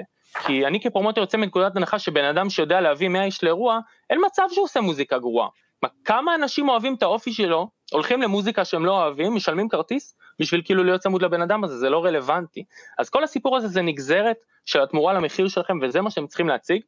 שחר דיברנו על איזה דוגמה, אני חושב רלוונטית כי זה מתוך הופעה שאתה הזמנת אותי לנגן, הבאת את Coone לארץ, עכשיו Coone אה, הופיע במדיסון, מי שלא מכיר קצת hardstyle, Coone זה השפיץ של הפירמידה, אוקיי? זה הדי-ג'יי של ה... היוצר של אה, סצנת ה hardstyle, הוא הופיע בכל הבמות האפשריות, גם ב mainstage Tomorrowland, בתוך הסצנה בוודאי שבכל הבמות שרק נתנו לו, והוא בא לארץ. עכשיו, אני לא הולך לתת שום מספרים מדויקים, אני גם לא מעורב, זה הפקה שלך, אבל תרשה לי רגע לנחש ולזרוק פה השערות שהם, אה, אני מקווה שהם בשכונה, באזור. קון ביחד עם המנג'ר שלו, ביחד עם הטיסות, מלון, הכל, והפי המנופח, סתם לצורך אה, עיגול, בוא נגיד שהוא עולה 50 אלף שקל. עכשיו במדיסון באותו אירוע, גם בוא נגיד בערך היו 900 איש, קון היה הדליינר שני שם, היו גם את, אה, איך קוראים להם, פרד פארטי, אם, אם אני זוכר נכון, ובוא נגיד שקון עדיין אה, על הכתפיים שלו רוב האירוע, 500 איש קון הביא, בסדר? 50 אלף 500 איש יהיה עגול, ואגב, להגיד שאתם מביאים מישהו, זה מישהו שבא כי אתם שם, ואם אתם לא שם אז הוא לא בא. זה לא חבר'ה מתנדדים, זה לא חבר'ה שמכירים את ההפקה, אז אני אומר קון הביא 500 איש, זה 500 כרטיסים שאם מבטלים את קון, זה 500 כרטיסים שמתבטלים. ובוא נגיד שקון באמת הביא 500 איש. אז בחשבון הפשוט הזה אנחנו מבינים שבשביל שקון יהיה כדאי, כל קהל, כל בן אדם שהוא מביא, 100 שקל מהכרטיס שלו מגולם רק לשכר של קון, עכשיו זה לא משנה אם זה נכנס אליו או לחברות תעופה, זה ה-value for money של קון בארץ ישראל, וזה השפיץ של השפיץ של הפירמידה.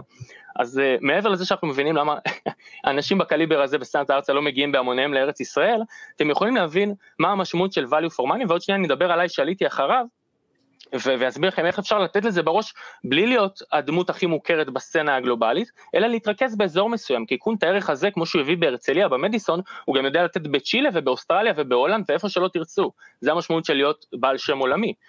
אני Pacemaker זה שעלה אחרי קון, אוקיי, אני אגיד בהכי צניעות של הצניעות, ושחר יודע לוודא אותי, ורן שסגר איתי שמע את ההבטחות האלה לפני, ומרגע שהם סגרו איתי את הדיל, כל מה שעניין אותי זה אחד, לתת את התמורה למחיר, שהם ידעו, פרומוטר טוב יודע לפלח ברמת הבן אדם, מי בא למי, ואיזה די.ג'יי אחראי על מי, ושהם ידעו שאני הבאתי תמורה מדהימה למחיר. עכשיו בוא נצניע רגע ונגיד שאני הייתי אחראי רק על 50 איש באירוע, אוקיי? ולצורך העניין, גם אה, נעגל את המספרים, הכל בשכונה, ביקשתי אלף שקל. אתם מבינים שכל בן אדם שאני מביא לאירוע, מתוך הכרטיס שלו, יכול, צריך לגלם רק 20 שקל, ואני כבר הופך לכלכלי. קון 100, עדן פייסמקרס, אין לי טרק עם אה, מקום ראשון בארצל.קום, פאקינג תשואה כאילו פי חמש תמורה למחיר, וזה המשמעות של העבודה בשטח, ועכשיו עם זה אנחנו יכולים לזרום קדימה לאיך מגיעים בעצם למצב כזה, ואני רוצה ככה לשים כותרת, שתבינו, זה לא בשמיים, עם 30 איש שבאים אחריכם, לא משנה איפה אתם מופיעים ומתי, אתם יכולים לפתוח דלתות ב-90 אחוז, 95 אחוז מהאיבנטים בארץ. אנחנו לא ארצות הברית, לא אירופה, אין פה פסטיבלים כאילו, אוקיי, אז בלייב פארק החמישים איש שלכם לא מספיקים אפילו בשביל להרשים ולתפוס slot של פתיחה או סגירה. אבל במדיסון שבאים 800-900 איש זה המון. באיבנטים של 300 איש, 400 איש, 500 איש, זה המון, זה משמעותי, זה ההבדל בין, שחר מפיק, הוא יודע, אתה, 90% מהכרטיסים אתה מוכר רק כדי לכסות את האירוע. ה-50% מעל זה החיוך של הפרומוטר, ואם אתם יודעים לספק את זה, כמו ששחר אמר, ניצחתם. מעכשיו זה אתם מקבלים את הטלפונים, ואתם אה, אלה שמחוזרים ורוצים שתבואו להופיע. אז שלוק מים קטן, ואיך עושים את זה, איך בעצם עובדים על זה, נכון? זה הכיוון. זה ממש טוב, אני ממש אוהב את מה שאתה אומר. Uh, המתמטיקה פה פשוט אדירה, אתה אומר, אני מסתכל על זה ברמה אנליטית, ב-value for money, ממש, value for money, איך אני מסתכל על כל אומן שמגיע אליי לאירוע, מהבחינה הזאת אה, אני חושב שזו צורת חשיבה מאוד מעניינת, ואני, כשאני חושב על זה בצורה הזאת, זה, זה, אני לא עיכלתי את זה, עד שבאת ואמרת לי את זה בשיחת הכנה, שבפועל זה מה שאני עושה בלי להיות מודע לזה. כשאני לוקח החלטות על מי אני רוצה שיבוא לנגן, זה לא כי הבחור הזה אני עושה איתו על האש, יכול להיות שגם אני עושה איתו על האש, אז כיף, הוא סבבה, כיף לי איתו, אבל זה לא הסיבה שאני סוגר אותו להופיע. אז חשוב מאוד שתבינו את זה, שבאמת בסופו של דבר ה-value for money שלכם מתורגם בכמה אנשים יגיעו לאירוע בעקבות, בעקבות זה שאתם נמצאים בליינאפ, אפילו גם בליין מסיבות, זה לא חייב להיות עכשיו אירוע רייב ענק, זה יכול להיות גם ליין, ליין מסיבות שהתברגתם לצורך העניין והכרתם איזה בחור בשלוותה, או איפה שזה לא יהיה. אם אתם עכשיו קיבלתם הזדמנות וקיבלתם gig, מה שאתם הולכים לעשות עכשיו, בשבוע, שבועיים הקרובים, זה לאכול לאנשים את המוח שאתם הולכים לנגן שם, בפרטי, ולהגיד ל promoter, בבקשה תדאג לזה, תשלח לי לינק אה, כרטיסים משלי, תשלח לי את התוכן, אני רוצה לפרסם, לקדם מהצד שלי, אני דוחף מהצד שלי, שהוא יראה שאתם חיית עבודה, שהוא מבחינתו, הדי.ג'יי הזה הוא גם יחצן, הוא בואנה, הוא מביא לי מלא ערך לאירוע, אבל רק, רק, אה, תראה אותו, הוא סגרתי אותו, רק הוא הביא לי איזה 30 בחורות. לא צריך להוסיף. בדיוק, בדיוק, זה המפתח, זה המפתח, וברגע שיש לך את זה, אמרת, ניצחת, ואיך עושים את זה, אם אתה שואל אותי, אם אני צריך לשים כותרת אחת גדולה, זה פשוט אינטראקציה. אינטראקציה, אינטראקציה, אינטראקציה. כמה שאפשר בעולם האמיתי, בפיזי, ו, ומעבר לזה, כמה שגם רק ניתן בעולם הווירטואלי, במדיות, פשוט לבוא באינטראקציה עם אנשים. קשה מאוד להביא המון קהל שאתם מאוד אה, אה, מסוגרים ולא יודע, אני כשיצאתי עם לייפי זרצל, איזה אתגר היה בפניי, היה לי 400 חברים בפייסבוק, כאילו, אני כתלמיד תיכון לא, לא השארתי חברים מהתיכון שלי, הרגשתי שזה משהו פרטי שלי, וכאילו, שמרתי על הפייסבוק שלי, הכל פרטי וזה, וכאילו, פתאום רציתי לצאת לעולם ולהביא אנשים, ואה, לא מכיר אף אחד, אני לא מכיר אף אחד. אז תתחילו מהדברים הקטנים, אתם, מעניין אתכם באיזה תחום מסוים, אתם רוצים להיות די-ג'אים? תתחילו להוסיף די-ג'אים לפייסבוק, זה אפילו מתחיל בזה. אתם יודעים, יש, יש אנשים שאני לא דיברתי איתם מילה בעולם אמיתי מעולם, זה כאילו הסכמים לא כתובים כאלה, שאני לא מכיר אותם אישית, בשום מובן, אבל תמיד אני אפרגן להם, תמיד אני אפרגן להם, תמיד הם מפרגנים לי, זה יחסים רחוקים כאלה, שאני רואה אותו מעלה טרק, וואלה, הדמות שלו בפייסבוק זה, זה מישהו שאני מאוד מעריך, אני אוהב איך שהוא עובד, יש לו את הלייק שלי, יש לו את הקומנט שלי, עוד לפני ששמעתי בכלל, וזה קשר שנוצר מכלום, הוא לא יודע מי אני, אולי הוא יודע את השם שלי ומזהה את התמונת פרופיל שלי, אבל זה, זה, זה שום דבר מעבר, וזה חלק מהכרטיס ביקור שלכם כשאתם באים ל promoter, זה משהו מאוד מאוד משמעותי.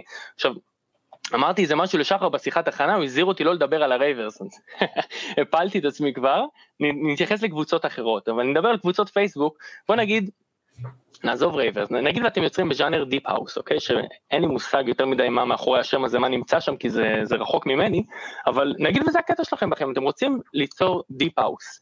חפשו קבוצה של deep house בארץ, אם אין אותה בכלל הרווחתם, תפתחו אותה ותהיו הקצה של הפירמידה של deep house בארץ, אבל אם יש אותה, כנסו לשם.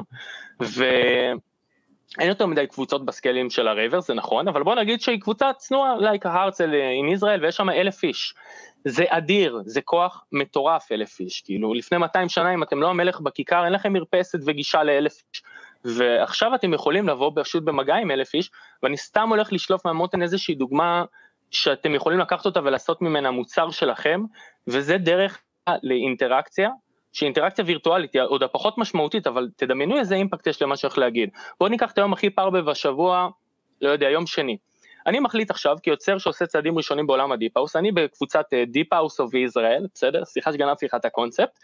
אה, כל יום שני מגיע ומפרסם פוסט על איזשהו track deep house, track deep house שאני אוהב. עכשיו, לפוסט הזה אני אה, יוצק את כל הפרשנות שלי, את המחשבות שלי, מה אני חושב עליו ממש, מנתח ומנסה לקרוץ לכמה שיותר אנשים עם, ה, עם הערך שלי, זה, זה יכול להיות track, זה יכול להיות אפילו, יש איזה מגזין מאוד נחשב ל deep house בעולם, קחו פוסט שלו אלף מילה באנגלית, תעשו ממנו 150 מילה בעברית, תנו קרדיט הכל טוב, אבל תוסיפו את הפרשנות שלכם, תנו את הזווית שלכם, והדבר הזה לאורך זמן, אחרי פוסט 2, יום שני ראשון עבר, יום שני שני עבר, אל תצפו לאיזה משהו, אבל אחרי חודשיים, שלושה, ארבעה, חמישה, אתם ת, פשוט תהפכו את עצמכם, עם רצון או בלי רצון, ל, ל, איך נגיד את זה, לאוטוריטות בתחום ה deep house, ובלי להקשיב לאף סט שלכם, ובלי לשמוע אף track שלכם, אם בכלל יש לכם כזה, יש אלף איש, שזה האימא של הקהל יעד, יותר טוב מכל טירגוט שתשיגו בפייסבוק או אינסטגרם, זה חבר'ה שעשו מיוזמתם אה, ג'וין לקבוצה של אוהבי deep house בארץ ישראל, והם עכשיו מחכים לימי שני, ו- ורואים את התוכן שלכם והם יודעים שאתם שולטים ב deep house, וזה יכול להגיע לרמה באמת כאילו לעשות לכם שם, אפילו תגיעו, תעשו סט גרוע, חלילה, לא עלינו, אל תעשו את זה, אבל. הוא האימא של ה deep house בארץ, הוא יודע מה טוב, אולי, אולי זה לא בשבילי ה deep house, אבל אם הוא עשה עכשיו את הסט הזה, כנראה שככה זה צריך להישמע. קצת הגזמתי, אבל, אבל זה דרך אחת מיני אלף דרכים שאפשר פשוט ליצור אינטראקציה בו זמנית עם הרבה מאוד אנשים שיכירו אתכם, ש, שיקבלו מכם ערך רלוונטי, והלייקים שלהם, העוקבים שלהם והנוכחות שלהם בקהל, ברחבה, שזה הדבר הכי חשוב, בסוף מה שנקרא will follow, כי אתם נתפסים כמשהו מסוים ומכירים אתכם. אמ, זה דבר קטן, אפשר להוסיף לגבי... אה, מילה או שניים על זה? בוודאי, ברור. אני אוהב את זה, זה ממש טוב. אה, קהילות זה משהו שהוא אה, מאוד מאוד חזק. אה, ויכול להפוך אתכם להיות מאוד מאוד בולטים בנוף של הדבר הזה שנקרא דיגיטל וסושיאל מדיה, ולהפוך להיות מומחים בתחום שלכם, כמו שאני לצורך העניין עושה, מניח שאתם נתקלתם בי בכמה קבוצות. היום אני מנהל יותר מ... לדעתי... אין לך אצבעות. לדעתי כמה עשרות אה, של קבוצות בפייסבוק, אם זה ספוטיפיי ישראל, יש בה עשרת אלפים איש. אה, קבוצה שהקמתי כשספוטיפיי הגיע לישראל. אה, האם זה משרת את האינטרסים שלי? התשובה היא כן. אה, מה שאני רוצה לדבר עליו זה העידן שבו אנחנו נמצאים היום, זה הזמן הכי טוב בהיסטוריה אי פעם לקבל חשיפה ב scale. למה אני אומר scale? scale זה מושג של קצת סטארט-אפים וכאלו, אבל scale זה פשוט בעצם כמות ענקית. כמו, קנה מידה ענק, ענק, אני יכול לצורך העניין היום לעלות לייב בפייסבוק ואני יכול שיהיה לי עכשיו 50 מאזינים, אני יכול גם שיהיה 50 אלף מאזינים. אה, ואני יכול לצורך העניין כשאני מקים קהילה שיהיה בה אלף איש, אבל יכולים להיות בה גם 100 אלף איש בקהילה הזאת. אה, ואתם נמצאים בעידן הזה שההזדמנויות האלו גדלות ככל שהאיכות והvalue שאתם נותנים כלפי חוץ הוא גבוה, ואני חושב שזה מתחבר מאוד למה שעדן אמר, אתם צריכים לתת value בתחום שלכם. עכשיו, אני רואה את זה, אה, לא, לא נגענו פה בדבר הזה, אבל אני רואה את זה כשהטיק טוק הגיע לפה אה, בצורה של חשיפה, יש לנו דרך אגב אחד הפרקים, שעדיין לא שמע, עם עמיחי שקל, שהוא מומחה לטיק טוק, הטיק טוק בא ובא ושינה את, את תחום ה... את המשחק בעצם. מה שקרה עד עכשיו, אנשים היו הולכים לאינסטגרם, מעלים משהו, מקבלים חשיפה אורגנית, ואז זה נעלם. טיק טוק בא ואמר, לא, משהו אחר. אצלי, אם, אם התוכן הוא טוב, אני נותן, אני מקפיץ אותו לכולם, ל for you, כל מי שרלוונטי.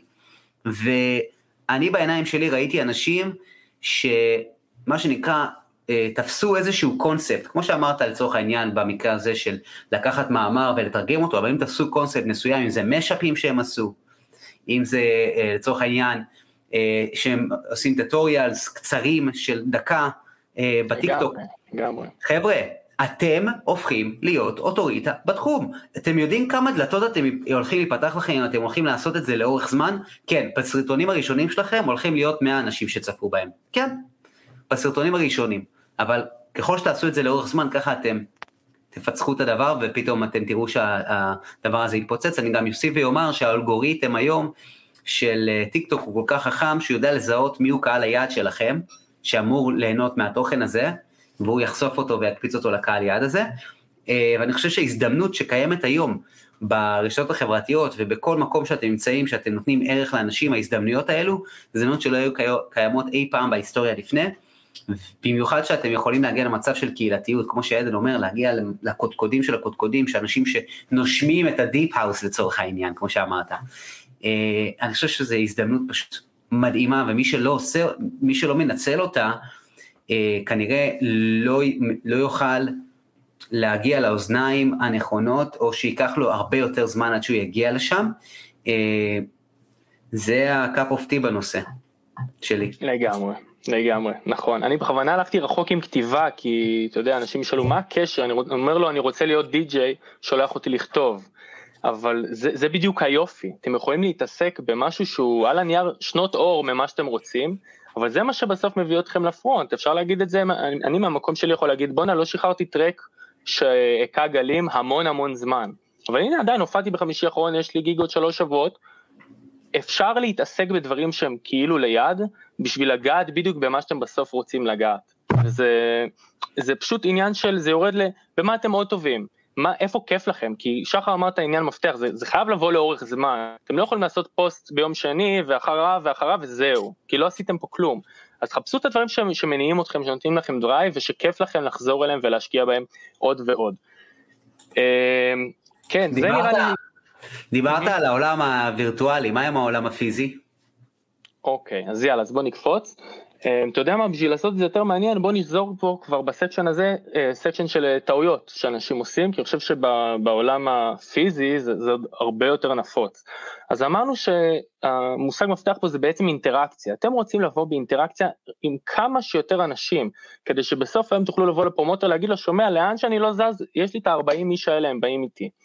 ואינטראקציה, המאני טיים שלה זה בהופעות עצמן, ברחבה. עוד רגע נגיע למה עושים קצת לפני הופעה, אבל כבר הגעתם להופעה, אני רואה המון די-ג'ייז, וסליחה אם אני נשמע ביקורתי ולא יודע, חס וחלילה מתנשא או משהו, זה הכל מעיניים של כאילו, אין לי אף אחד בראש שאני אומר את זה, אבל יש הרבה אנשים שעושים את זה, זה, מתייחס, כאילו אל תעשו את הדברים האלה, אל תגיעו שנייה לפני הופעה, זה, זה, זה, זה אה, שם אתכם במקום כל כך מוגבל, אין לכם מושג מה, אה, איך שומעים, מה הסאונד, מה הבאלנס, איך, איך הסאונד מתפזר, יכול להיות שהדי-ג'יי לפניכם, בסוף הסט שלו כל כך התלהב שהוא לא מקצועי, אני לא יודע מה, הגביר את הסאונד לווליום פשוט מטורף, ואתם, כל ההשקעה שלכם יורדת לטמיון כי אתם כמו חכמולוגים, באתם דרך הכניסת אמנים, לא רציתם לראות חלילה אף אחד, הגעתם לעמדה, שמתם פליי, שרפתם לכולם את האוזניים ומפה אתם כמובן רק מגבירים כי רק התחלתם לסט, וכל זה כי פספסתם כמה דקות קריטיות ברחבה לפני כן, להרגיש איך שומעים את הסאונד, ובכלל הבנה של אני חלק מערב, אני אולי הבורג מבחינתי המרכזי, אבל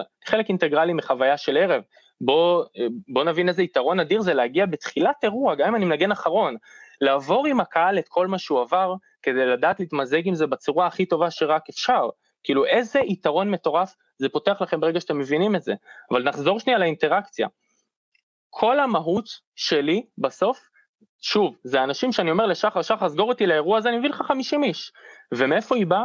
מזה שאני לפני אירוע, ברחבה, אני נמצא ברחבה, יש עכשיו סט של מישהו לפניי, אני בשורה הראשונה, אני חלק מאלה שמרימים לדי-ג'יי לפניי, גם כי זה אף פעם לא מזיק, גם כי אני באמת נהנה, והכי חשוב, כי אני רוצה לחרוש את האנשים, אני רוצה לראות את המבטים של החבר'ה, שעוד חצי שעה הם מרימים לי פתאום, ואני רוצה לבוא איתם במגע, ואני רוצה להכיר אותם, והכי חשוב לי שהם יכירו אותי, היי, אני עדן, אני עוד חצי שעה עולה, כאילו, אה, מה קורה, ו- ומה פה, ו- ופשוט מה שנקרא mingling, אוקיי? ואמרתי, אני אגיד לזה אפילו עוד מילה, אה, שלפני ההופעה, נגיד עכשיו שחר סוגר אותי לסט, מהר מאוד אתם תראו פוסט בקבוצה הרלוונטית, אם זה ארצה, אז בארצה לישראל, פוסט בקשות, אוקיי? ו- וזה הרבה פעמים אני, אני מדבר על זה עם קולגות והם אומרים לי כאילו, אה, יש פה איזה מחלוקת בעניין הזה של עד כמה אתה אמן ועד כמה אתה בא לספק סחורה. מהמקום הזה של אמן זה כאילו מישהו שיש לו את המילה שלו, הוא רוצה להציג משהו מאוד מסוים ולא מעניין אותו מה בצד השני כי זאת האומנות שלו. ואני דווקא תופס בשלב הזה, אני חושב שאנשים שמתחילים, כדאי שהם יתעשו דווקא לצד השני, ש, שזה מה שאני משתדל לעשות, לרצות עד כמה שניתן את המאזינים שלי, מתוך הבנה שאם הם מרוצים, בסוף אני מרוצה, ולכן עכשיו שחר יסגור אותי לאירוע, מהר מאוד אתם תמצאו פוסט בקשות, חבר'ה, שנה של קורונה לא ניגענו, מה שנה אתם מתים לשמוע ברחבה? ומתוך כל הקומנטים תמיד יש את המישהו הזה שגם דואג לכתוב לכם ולהעביר לכם את זה שאם תנגנו, רק, רק תנגנו את השיר הזה שהוא שם שם, אתם העולם בשבילו, ואתם, ו, ואתם עשיתם לו את האירוע. והגישה שאני מנסה להעביר לכם זה שאין לכם את הזכות לפספס את ההזדמנות הזאת, זה, זה זהב, לבוא ואמרתי עכשיו אני ברחבה לפני הסט שלי, אני מחפש אותו ותופס אותו ושומע, בא לו לכתף, שומע, תתכונן לנגב דמעות עוד 40 דקות, אני שם את הטרק שביקשת, זה בא לי, בא לי לא הכי טוב בסט, אבל בשבילך, כאילו איך נגן את זה, ואמרתי שאני מתקשר לשחר ואומר לו, תקשיב, אני מביא לך 40 איש, זהו, זה כבר 41, קפצתי. בגלל הסיפור הזה, ועכשיו אני באתי לאירוע, 10% מהעבודה שלי זה סט ונגיע לזה, זה 10% מאוד חשוב, סליחה אם אני קצת מגמד, אבל המינגלינג והעבודה הקשה שתסגור לי את ההופעה הבאה, זה גם בהרבה לפני ובהרבה אחרי, אז לחרוש את הרחבה לפני הסט, לבוא במגע עם אנשים, ליצור אינטראקציות, שיכירו אתכם, שיזהו אתכם, זה הדבר הכי חשוב בעולם. נעבור לעוד דבר הכי חשוב בעולם. לפני, אה, אה, סליחה שאני קוטע אותך. חופשי. מה זה אומר לבוא באינטראקציות? כי אנשים אה, יבואו ויהיו, אתה יודע, תמיד יהיה תירוצים. מה להגיד, איך אני פונה לאנשים, איך אני פונה לקהל. אז נתתי לך דוגמה ממש קלאסית שקרתה לי כמה פעמים. אה, לפני רגע עשינו פוסט, פוסט בקשות, אני דואג לבן אדם הזה שבשבילו עכשיו שמתי track ומבשר לו את הבשורה הזאת ואמרתי לך זה בן אדם שנכנס לך לסל, הוא עכשיו איתך ואין פה איזה עניין זה לא עכשיו אה, עקצתי אותו משהו. יש פה יחסים מאוד מאוד יפים של ווין ווין, כי הוא יודע שאני נותן לו את הסחורה שלו, אני יודע שהוא נותן לי את הסחורה שלי, והנה דוגמה לאינטראקציה, עכשיו לא יודע, לא עשיתם את הפוסט הזה, או אתם, אתם מתביישים או משהו, תשמע, אני אומר לך את האמת, אני עשיתי הכל, אני קניתי בירות בבר והלכתי לחבר'ה שעוד רגע מרימים לי, ולפני הסט שלי עשיתי איתם לחיים, כאילו, בלי היכרות מי יודע כמה, סבבה? וזה אני, ואני אומר לך את האמת, זה לא פחות כיף מהרגעים על הבמה, אני לא יודע, אני חי את זה, זה כיף לי, ו, וזה עובד. זה באמת עובד, כאילו אנשים בסוף זה אקט חברתי מסיבה, נכון, המוזיקה שמה ובאנו בשביל המוזיקה, אבל בסוף כאילו מוזיקה יש גם בבית. באת, באת לסיטואציה חברתית מסוימת, ומה יותר כיף ממישהו שבא אליך, כאילו, עזוב את הבירה, בסדר? אה, כזה על הכתף, ווואי, אני רואה אותך פה רוקד, איזה יופי, כאילו, שתדע, אני עוד 20 דקות עולה, ואני הולך להביא איזה ז'אנר קצת אחר, אני הולך קצת, לא יודע, להרים את ה-BPM, אני מקווה שאתה בסדר עם זה, ומה אתה חושב על זה, ו- וכאילו, אתה פה, נכון? אתה נשאר. בצורה הזאתי, אתה מריץ לי את המחשבות, אני מבין, כאילו, פתאום ככה אני דואג שכשאני עולה לסט, בוא נגיד ארצל, זה, זה ז'אנר מאוד קשוח, אוקיי? אם עכשיו סגרת אותי לאירוע, אני כנראה סוגר את האירוע הזה. ולצד כל הקבלות שלי, אתה יודע, די.ג'יי שעושה סגירה, זה המבחן הכי קל. ה promoter בא לרחבה, רגע, מי נשאר? זה הדי.ג'יי. כאילו, אין יותר easy מזה. ודי.ג'יי שחצי שעה לפני הסט שלו חורש את כל האנשים ואומר היי אני עולה עוד מעט ואני הולך לנגן את זה ואני הולך לעשות את זה ואיזה כיף, אפילו רוקד איתם, אתה רוקד עם אנשים שלא מכירים אותך אפילו לא מדבר אליהם, הם רואים אותך, הם מזהים את החולצה, רואים את החולצה הזאת פתאום על ה booth, הם נשארים, כאילו הם, הם ראו אותך כרגע מתקרחן, אתה בא ב vibe טוב, לא יכול להיות שעכשיו אתה הולך לעשות משהו שלא בא בטוב, אתה מבין מה אני אומר? קצת? זה כאילו זה אינטראקציה, ו, וזה מאני טיים, לא רק ההופעה, באתם דרך הכניסת אומנים, לחצתם פליי, פספס, כאילו אם אתם יודעים להביא את החמשת אלפים שלכם אחריכם לכל אירוע, אין בעיה, אל תעשו את זה. כאילו יש די.ג'אים שלא צריכים לעשות את זה. אה, עשו את זה כנראה בעבר, או אני לא יודע איך הם הגיעו לאן שהם הגיעו, אבל לחבר'ה שהם לצורך העניין בקליבר שלי, לי אין את הזכות לדלג על הדבר הזה. אין לי, זה, זה פשוט, אה, זה פספוס. זה פספוס של הזדמנות שיווקית והזדמנות לאינטראקציה שתיקח אותי ותגלגל את הכדור שלג הזה ותביא איתי עוד אנשים מאירוע לאירוע. ואפשר להתקדם גם לרגע של ההופעה עצמה? בטח. אז אוקיי, אז נגעת בזה גם איפשהו בשיחה שלנו, על כמה זה חשוב לבוא מוכן. אני חושב עם uh, מתן, שאמרת שצריך לבוא 120 אחוז. Um, אין יותר נכון מזה. כאילו, קיבלתם הזדמנות, תחבקו אותה, ת, תוודאו כל מה שרק ניתן, שאתם הולכים לבוא באימא של השיא שלכם. ואם זה אומר שעכשיו אתם מנגנים שנים על איזה controller, ובמועדון מחכה לכם פלטה או איזה ציוד מסוג אחר, אל תופתעו, כאילו, תוודאו את זה לפני, תבואו כאילו, תבואו אליי, תנגנו על ציוד מועדונים אה, לפני, תכירו את הכל מאלף עד תף, כל כפתור מה עושה, כל, כל פעולה, ת, תחקרו על הקהל שמחכה לכם, אמ, ת, תיתנו שואו באמת, ת, תנסו, תתחרו בעצמכם, פה אין, אין כאילו, אין איזה טיפ כאילו איך להיות פרפורמר גדול, אבל תנטרו את הדבר הזה ותדעו שזו הזדמנות שלא חוזרת, כאילו יכול להיות שתופיעו עוד, אז זה עדיין לא אומר שזה חוזר, כי הכאן ועכשיו שלכם הוא נעלם ברגע שזה נעלם. את ההופעה הזאת בהווה, אין, אין דרך להחזיר, אז תדעו, תוודאו שאתם באלף אחוז שלכם באמת נותנים את כל מה שאפשר, כי, כי טוב, הכל חשוב, אבל זה גם, זה, זה סוג של מאני טיים, ואני רוצה להתחבר קצת למה שאמרתי ש, שאני אוהב לעשות לפני ההופעה שלי, למה שאני אוהב לעשות אחרי ההופעה שלי, זה בעיקר אצלנו, כי במקומות אחרים בליינאפים מגוונים אני בדרך כלל מגיע לסט סגירה, אבל האמת גם בסט סגירה זה עובד. סיימתי להופיע, אני בחיים לא נעלם, בחיים, בחיים, בחיים, סיימתי להופיע, אני רץ כאילו עם פרצוף של תודה, ו- וחיבוקים גדולים לכל החבר'ה שעכשיו שעה וחצי או שעה, 45 דקות, הרימו לי ונהנו ממני, ו- וכל מה שאני משדר להם באמת גם יוצא במילים, וסליחה אם זה נשמע כאילו יותר too much, אבל זה זה. כל מה שאני משדר להם זה תודה שאתם קיימים, אתם הזכות קיום שלי, אני מגשים את עצמי כרגע, כי אתם פה. ו, ותודה רבה על זה, אני הכי מעריך אתכם בעולם, איזה כיף שבאתם לראות אותי. וזה משהו, באמת זה חשוב, כאילו ב, ביחסי אנוש, הקטע הזה של התודה, אני חושב שזה משהו סופר חשוב, לא יודע, זה, זה, דיברת קודם על אגו, אז אולי זה גם קצת מתנגש עם איך שאנשים רואים את המצב אה, אצלם בראש, או איך שהם היו רוצים לראות את זה. אני יודע שכאילו, שאני פה בזכות קהל מסוים שאני מביא, ו- וכמו שאמרת, לא יעזור איזה סט שאני אשלח לך, אני יודע עליי כפרומוטר, גם עם אחי, אח שלי, היה, ו- והיה מגיע אליי מוזיקה מדהימה, אם הוא אומר לי, עדן, אני לא מביא אף אחד, מה, מה אני אעשה איתו, כאילו, מה אני יכול לעשות איתו, מה, איזה ספוט אני יכול לתת לו, אני לא יכול. אמ, אז הדברים האלה של אינטראקציה, זה המפתח בעצם, זה המפתח שחר.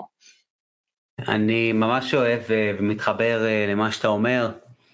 אה, הכרת תודה קודם כל, בלי קשר גם להופעות. אנשים מפרגנים לכם, אנשים מעלים סטורים בשבילכם, לא משנה מה הם עושים, מגיבים לפוסטים שלכם. תודה. צריך להגיד תודה לאנשים פעם ב... וזה משהו שהם תופסים אתכם בצורה הרבה יותר, אתם נתפסים בצורה הרבה יותר טובה אצלהם. יש לך, אה, אתה נגעת בנושא הזה של לתת אה, אלף אחוז כשאני מופיע. אמ, אז, אז אני מאוד מתחבר לדבר הזה שאני ראיתי אצלי אנשים שסגרתי להופיע, ואז הם, כשהם הגיעו הם התעסקו כל כך עם הציוד, במקום להיות נוכחים רגע ולהבין איפה הם. מה קורה עם הקהל, איך הוא מגיב לרחבה, איזה מוזיקה מנגנים עכשיו, הם היו, הם היו נראים כל כך אדומים ולחוצים, והגיעו גם 20 דקות לפני, אז מה שקרה בסוף, הסט שלהם היה נראה בהתאם. הם לא הרגישו את הקהל מספיק טוב, הם היו לחוצים שכל הציוד יתחיל להסתדר שם ברגע האחרון, נכון, הם לא הכינו את עצמם, הם לא הכינו את עצמם יום לפני, וקרה לי מקרה כזה, ואני יכול להגיד ש... וואלה, באותו רגע הרגשתי כאילו, וואלה, לא בא לי שזה יקרה עוד פעם, כאילו, לא בטוח שאני ארצה להמשיך לעבוד עם האומן או האומנית או האומנים האלו, שוב פעם. אמ, זה משהו שהוא סופר חשוב. הטיפ נראה לי זה פשוט תתאמנו על רטוב כמה שאפשר. אני את הסטים שלי אני מנגן בחושך כי כשאני מגיע למועדון יש לי חושך אני לא רואה כלום. אני סוגר את האור בחדר וככה אני עושה סטים. וכמה שאפשר להביא את המצב שבו אתם מתאמנים או מכינים את הסט שיהיה דומה יותר למועדון ככה יותר טוב לכם, עם הציוד זה, רק הרווחתם, זה חוסך לכם חרדה של לחפש כל מיני אה, כפתורים במיקסר כשאתם מגיעים לסט, וזה, כל שנייה שאתם לא עסוקים בדברים טכניים שכאלה, זה עוד, זה עוד מבט לקהל, זה עוד ידיים שמתרוממות בדרופ, זה, זה עוד פוש לה, להופעה שלכם, ותוך כדי שדיברת נזכרתי בעוד איזה נקודה שאני חושב שזה טיפ חשוב, שהייתי שמח אפילו באותה הופעה עם קון למשל, שחר, אני חושב שמה שדי-ג'יי אה, מתחילים צריכים, אה, חשוב שידעו, זה שאמרנו, ההזדמנויות האלה לא חוזרות, חשוב לדאוג להוציא מהם, זה קצת נוגע לשיווק, את כל הפירות שרק אפשר להוציא, ואם זה אומר, למשל, אני מתחרט עד היום של ההופעה עם קון, לא השכלתי אז להביא למשל צלם וידאו מטעמי, שיכול היה לעשות לי כאילו יח"צ מטורף מההופעה הזאתי, ואני באתי, ואתה יודע, אתה כ promoter, יש צלם לאירוע, אני מעניין אותו רק מתי שאני מעניין אותו, שזה ב- ב- במהלך הסט, לרגעים מסוימים, הוא חייב לתפוס קהל, הוא חייב לתפוס את ה headliners, ובאסה, כי יכל היה להיות לי אחלה של וידאו מהאירוע הזה, זו טעות שהכיתי עליה חטא, ומאז יש לי סרטונים ותמונות ו- וצוות שבא איתי לכל הופעה, וזה יכול אפילו להיות יותר פשוט, כאילו מישהו עם האינסטגרם שלכם בפלאפון, שמתחזק לכם את ה story מה, מההופעה שלכם, תחשבו איך אתם רוצים לסיים את האירוע, עם איזה תוצרים. הדבר הכי טוב שיכול לקרות לכם באירוע, זה ההבנה של ה promoter, שהוא רוצה אתכם לאירוע הבא, זה נוגע לאיך שאתם אה, מתפעלים את הסיטואציה, וגם אם הוא לא יבין את זה, אז איך אני עוזר לו להבין את זה אחר כך? כאילו, אני לפעמים מוציא מאירועים, פוטג'ים שכאילו זה נראה כל כך טוב שהפרומוטר מסתכל ואומר מה זה אצלי, כאילו, וזה נטו ממקום של להשקיע ב... בעצמי, באיך שהסט נראה, באיך שהמקום נראה, ואפשר לעשות מזה זהב מהדברים האלה, אז תעשו לכם ממש רשימה של תוצרים שבא לכם להוציא בסוף הסט, אפילו אם זה להקליט את הסט או להעלות אותו אחר כך, להקליט אותו מחדש בסוף האירוע אם הוא לא הלך perfect ולהעלות אותו ל SoundCloud זה גם משהו שהרבה מאוד אנשים מפספסים, אני מביא מלא DJים ל lineupים ואין לי איך לשמוע את הסט שלהם אחר כך, אם המוצר שלכם הוא כזה 120 אחוז, תעשו ממנו קצת פרסומת, תעשו שיווק אחר כך, תדחפו אותו, זה גם משהו מאוד מאוד חשוב, ו... promoterים מסתכלים על זה, הם נכנסים ל SoundCloud של הבן אדם ורואים את הסטים שלו, 20 אה, אה, סטים כאילו מהשנה שנתיים האחרונות ואומרים וואלה כאילו תראה איך הוא שם את זה בפרונט הוא כנראה נתן שם עבודה אני אפילו לא צריך להקשיב אני יודע שהבן אדם גאה במה שהוא עושה. והכי חשוב הקהל עוקב יכול לחזור לחיות את הרגע הזה שוב כאילו ליהנות מזה. אמ, זה קטע חשוב. אמרתי שאני לא אכנס יותר מדי לשיווק אבל זה, זה גם מאוד מאוד חשוב, התוצרים שאתם לוקחים מהאירוע אחר כך, והצוות שאתם מביאים איתכם לאירוע, ובאמת uh, מה שנקרא למקסם הזדמנויות, למקסם הזדמנויות. בוא נדבר רגע על משהו שאתה העלית, שלהסתכל על החשיבה כעסק, על, ה... על עצמי כהשקעה בעסק. היה לך כמה דברים לומר על זה, אני זוכר. אז אם יש לך כמה נקודות שאתה רוצה להוסיף בנושא הזה לפני שאנחנו מגיעים פה לשאלות, כי השאלות פה רציניות, אנשים פה יש להם מה להגיד. קודם כל אני, ועכשיו בטח אני אכפיל את הכמות שאלות, כי נגעת בנושא שאני מוצא אותו אולי הכי שנוי במחלוקת בשיחה הזאתי. יפה דווקא שאתה לא הרמת עליי יותר מדי גבה כשדיברנו על זה, אבל אני כבר מה, מהסקשן של להתקדם דרך היצירה ניסיתי להנחיל איזה חשיבה מאוד אה, קרה ועסקית כזאתי. וזה נכון גם להופעות, אם אמרתי לכם, תחסכו חודשיים שלושה ותשבו בסטודיו של אמן שנמצא ברף, ותספגו ממנו את המידע ותיקחו ממנו כלים וגם תצאו עם תוצרים אה, ראויים בסטנדרט, זה נכון גם לפתיחת דלתות בהופעה, אתם יכולים אה, לעשות את כל מה שאמרנו עד עכשיו, דיברנו, לעבוד חזק בפייסבוק ולהיות עם הרבה קשרים עם הרבה חברים והכל, ועדיין לגלות שההופעה כאילו לא, לא בדיוק מגיעה מהר, בטח בתקופה כזאתי. אמ, ואז אני אומר, אוקיי, אז תחשבו עסק, תחשבו עסקי. ואני שוב מזהיר, זה הולך להיות קצת שנוי במחלוקת, אבל שחר אתה promoter, ותגיד לי מה אתה חושב זה, איך אתה מסתכל עליי, אם אני עכשיו כדי-ג'יי מתחיל, מגיע אליך, ובמקום מה ש-99.9% מהאנשים, לפחות שפונים אליי עושים, במקום לשווק אצלך איזשהו סט SoundCloud, אני אומר לך, שחר, תשמע, החלום שלי זה mainstage Tomorrowland, אוקיי? אני מחויב לעצמי להגיע לשם, לעשות כל מה שניתן. כמה אני מחויב? יש לי שאלה אליך, אני רוצה את הסט פתיחה באירוע הזה, כמה אנשים הדי.ג'י שעושה את הסט פתיחה צריך להביא בשביל שיהיה לך כדאי, בשביל שיהיה לך כלכלי, ואני שומע ממך את המספר הזה, ובוא נדבר תכלס, ספוט כזה שמביא לאירוע של 400 איש, אם הוא מביא 20-30 איש הוא, הוא הצגה, ואז אני בא ואומר לך, שחר, אתה שומע?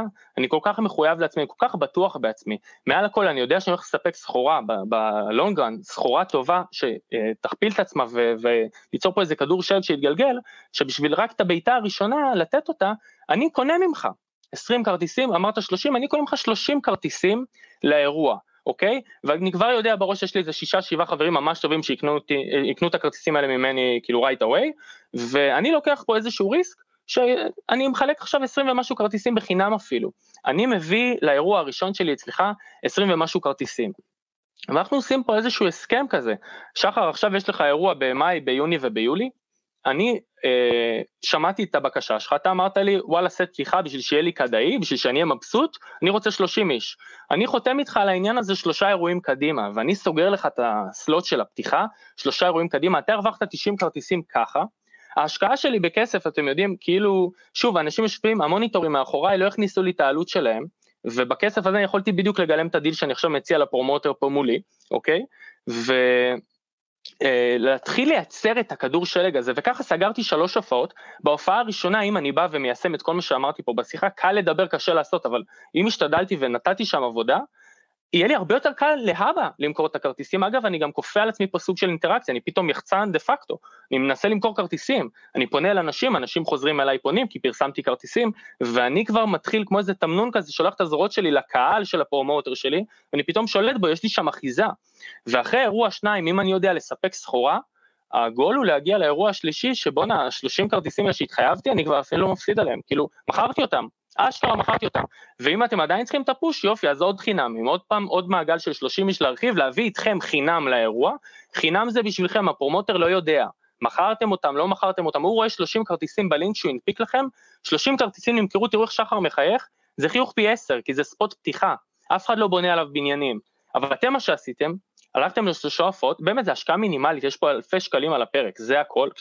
אתם יודעים, אל תפתחו מסעדה אם אין לכם מיליון שקל וגב כלכלי לשלוש שנים, זה לא המצב, זה לא מסעדה העסק הזה, זה עסק של אדם עצמאי פרטי, הכל פה הרבה יותר מינימלי, ומה עשינו פה בשלוש הופעות, אם הבאתם איתכם צלם שיעשה לכם מטעמים מהווידאו, והעליתם סטורי, והגרפיקות שהמפיק יוצר בשבילכם, ועשיתם שיווק נכון סביב הדבר הזה, והכי חשוב, המפתח, המהות, ניגנתם מוזיקה טובה, פתחתם את האירוע כמו שצריך, הבאתם אנשים מוכנים לסט הבא, אני חושב שבסוף השלושה חודשים האלה, קודם כל למדתם לתת אה, הופעה, אוקיי? זה משהו שאתם לומדים לנצח, אבל עשיתם טבילת אש רצינית, ודבר שני, השארתם פרומוטר מאחוריכם מבסוט עד הגג, אתם מככבים על שלושה ליינאפים שלו, ונתתם קבלות, בקיצור עשיתם, עשיתם וי על כל ה boxes ש, שאני מבקש לעשות עליהם וי כשאני, כשאני בא למכור את עצמי למישהו, אם פרומוטר פונה אליי בגישה הזאת, אני אומר לך תכל'ס שחר, אני אומר לו שומע אחי, אני כל כך מעריך אותך, עזוב אותך כרטיסים, אני סומך עליך.